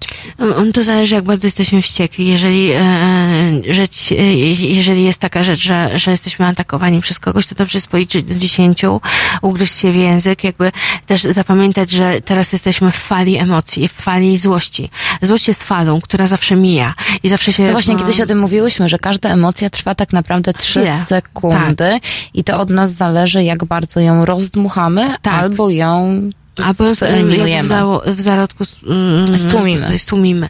I to nie chodzi o to, żeby złość tłumić, bo to też nie jest dobre, ale żeby wyrażać ją, jeżeli czujemy się naprawdę, że nasze prawa są e, w jakiś sposób tutaj naruszane, to dobrze jest o tym powiedzieć, powiedzieć na przykład nawet, słuchaj, jestem na ciebie totalnie wściekła teraz, e, mam w sobie bardzo dużo złości, mam ochotę wyjść i trzasnąć drzwiami, e, ponieważ to, co powiedziałeś na przykład, jakby ja się czuję tym urażona, czy ja się czuję, że to, to, to mnie bardzo uderzyło. Dobrze jest nazywać złość, mówić o złości, mówić o tym, jak się, jak się aktualnie czujemy i też rozpoznawać, czy to, co czujemy, to jest naprawdę złość, czy tak naprawdę jesteśmy rozż- rozżaleni, rozczarowani, e, czy, czy, e, czy jesteśmy po prostu bardzo, bardzo smutni. Do, Im więcej będziemy Czyli mówić. zadać sobie kilka pytań e, weryfikujących. Czy to złość, czy to jest smutek, czy może Tak. jest to podszyte naszymi wcześniejszymi doświadczeniami, które mają swoje odbicie w danej konkretnej sytuacji. Tak. I też starać się nie doprowadzać do eskalacji, czyli jeżeli już czujemy, że ta rozmowa zaczyna wchodzić na tory awantury, to um, dobrze jest się wycofywać. Dobrze jest wziąć głęboki oddech, wyjść na przykład z pomieszczenia, w którym jesteśmy z daną osobą, napić się szklanki wody, otworzyć okno i wziąć 10 oddechów e, i e, raczej e, w ten sposób radzić sobie ze złością, czyli nie tłumiąc, ale raczej wyciszając siebie, bo wyciszanie to nie jest to samo co tłumienie. Tutaj e, ktoś do nas napisał, że bzdura, złość wraca później w wspomnieniach. Jak ktoś atakuje, to trzeba odpowiedzieć tej osobie, bo potem tłumienie tego w sobie mm, od, zżera nas od środka. Lepiej wyrzucić siebie zdecydowanie. Czyli, a my mówimy tutaj o tym, aby najpierw się uspokoić, prawda? Jeżeli... Tak, żeby zrozumieć jakby co mnie tak naprawdę zdenerwowało, co, czym, ja się, e, czym ja się uniosłam, jak ja e, zinterpretowałam komunikat, że on mnie tak zdenerwował. Tłumienie, czyli zagryzanie zębów, a w środku czucie głębokiej nienawiści jest bardzo niezdrowe. Taki, e, to, to rzeczywiście, o czym powiedział słuchacz, jest bardzo ważne, dlatego że mm, ja się z tym zdecydowanie zgadzam, że mm, niewyrażanie złości, ale czucie jej dalej, e, i pozostawanie wewnętrznie z tym e, ogromnym gniewem nie tylko skutkuje tym, że my później ruminujemy, czyli stale sobie przypominamy złość, ale także em, em, możemy się nabawić przez to wielu chorób e, o podłożu psychosomatycznym.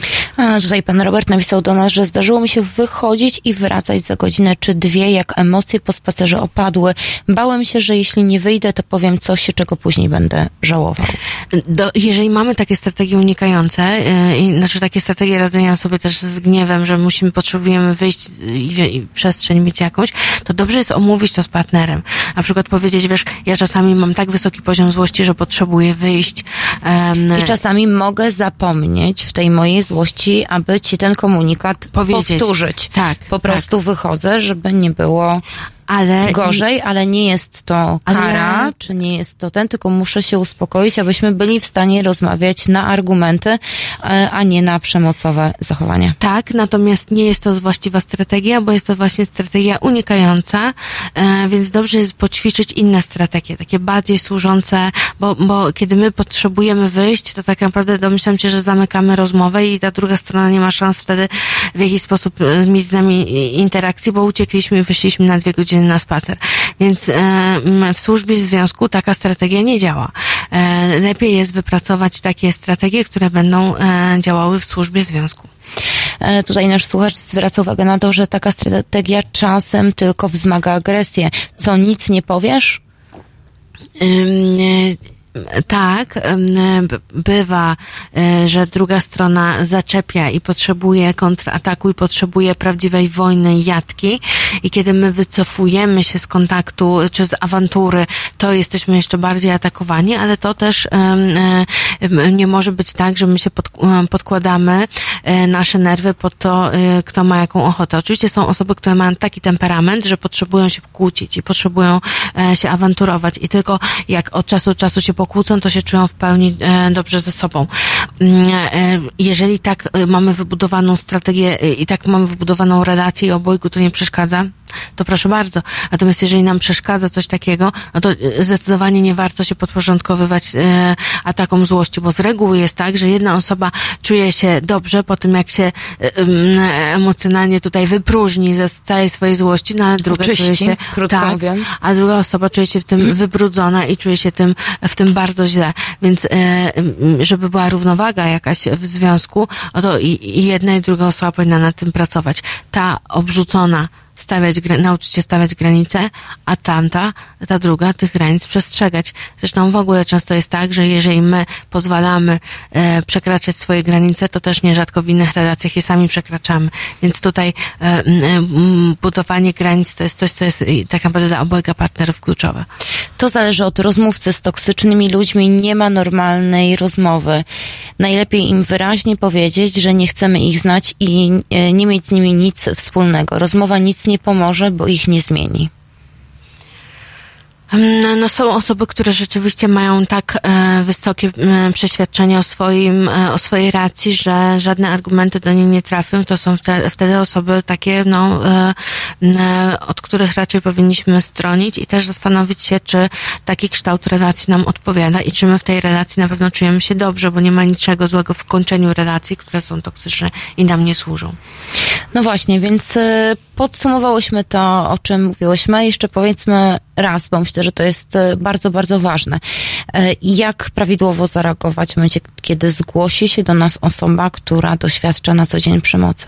Żeby jej nie odtrącić, nie zrazić, nie zblokować i nie zamknąć.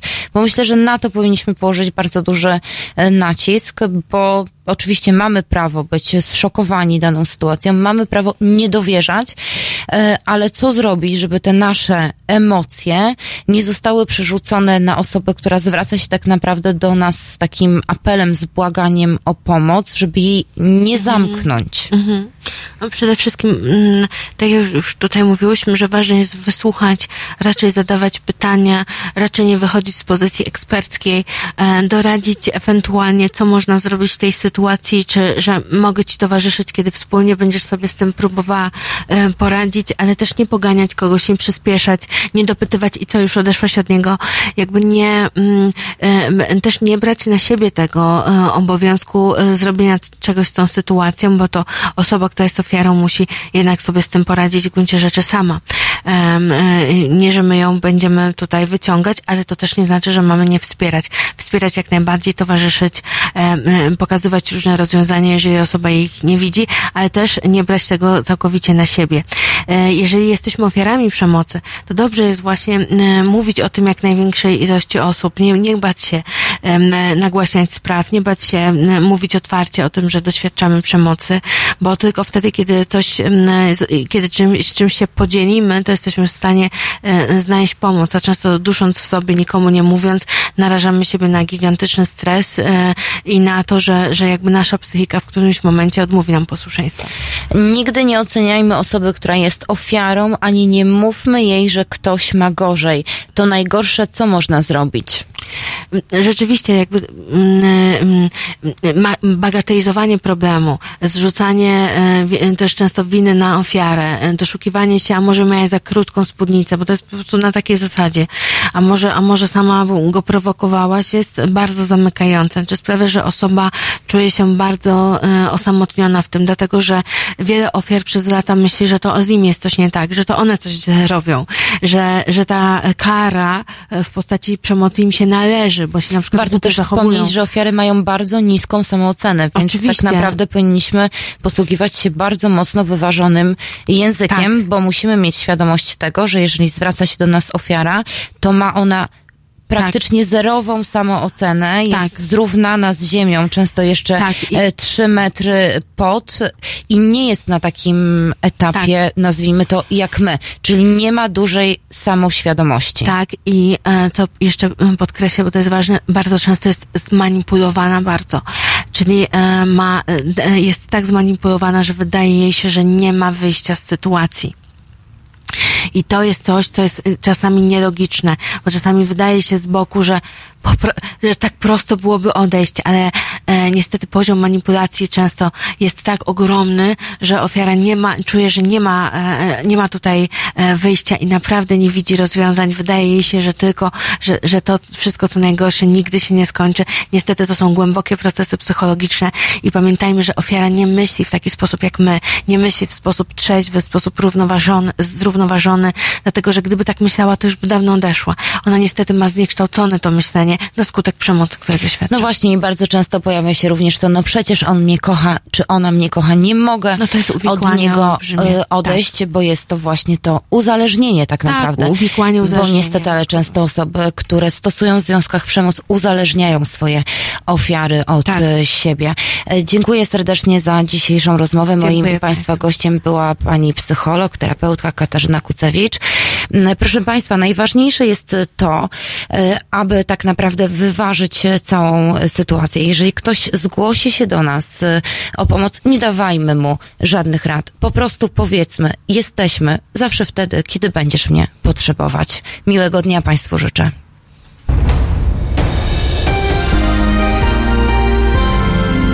Niedzielę. Od 21 do 23 do świata swoich fascynacji dokumentalnych zabierze Państwa reżyser i aktywista obywatelski Konrad Szołański. 21, 23. www.halo.radio. Słuchaj na żywo, a potem z podcastów.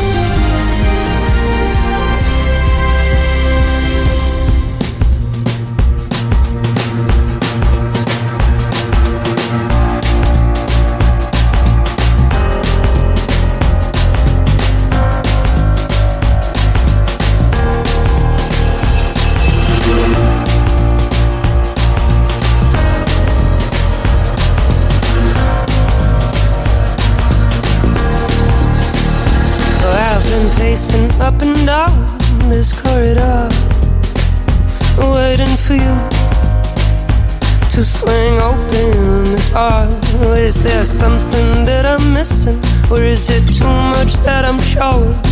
I know some sign, find the way, but me, I come in. So I smile a little too much, and the glass comes quick to the mouth and I go on and on. Sometimes it's just like the rest of us. So I smile a little too much, and the glass it comes quick to the mouth, and I go on and on. Sometimes just like the rest of us. Must be something deep within that I need to prove to you. Maybe I'm not what you expected to find. Yes, I'm all out on display, and what I've spent a life together. In a night I'll give away. Yes, in a night I'll give away. So I smile a little too much, and the glass it comes quick to the mouth, and I go on and on. Sometimes just like the rest of us. Yes, I smile a little too much, and the glass it comes quick to the mouth, and I go on and on. Sometimes just like the rest of us. You can see me come a mile away. You can see me come a mile away. Or you can see me come a mile away. Cause I've been pacing up and down this corridor, waiting for you to swing open the door. Or is there something that I'm missing? Or is it too much that I'm showing? I know some say find the way, but me, I say come in. So I smile a little too much, and the glass comes quick to the mouth, and I go on and on. Sometimes just like the rest of us. So I smile a little too much, and the glass it comes quick to the mouth, and I go on and on. Sometimes just like the rest of us. So I smile a little too much, and the glass it comes quick to the mouth, and I go on and on. Sometimes just like the rest of us. Yes, I smile a little too much, and the glass it comes quick to the mouth, and I go on and on. Sometimes just like the rest of us.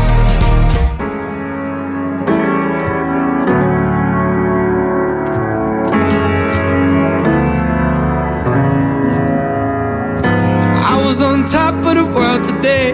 Loving you takes my stress away. Fresh glow like I'm on holiday. You were my girl with all the sauce. Turn the lights down, let our bodies talk. Ooh, I just wanna feel what you say. I don't wanna front. This ain't just a crush. I just wanna be your go-to for that type of touch. Wanna rush. Let's lose ourselves in us. I just wanna be the one you're next to when the sun comes up. Every time you whisper down the phone, I'll be giving everything I own to make you love me.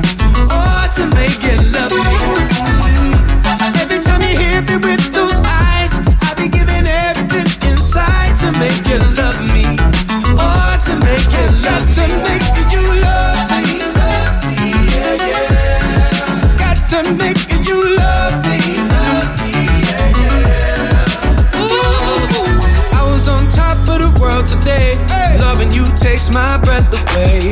Troubles ain't nothing but a memory. Yeah. Ah, you were my girl, black and white.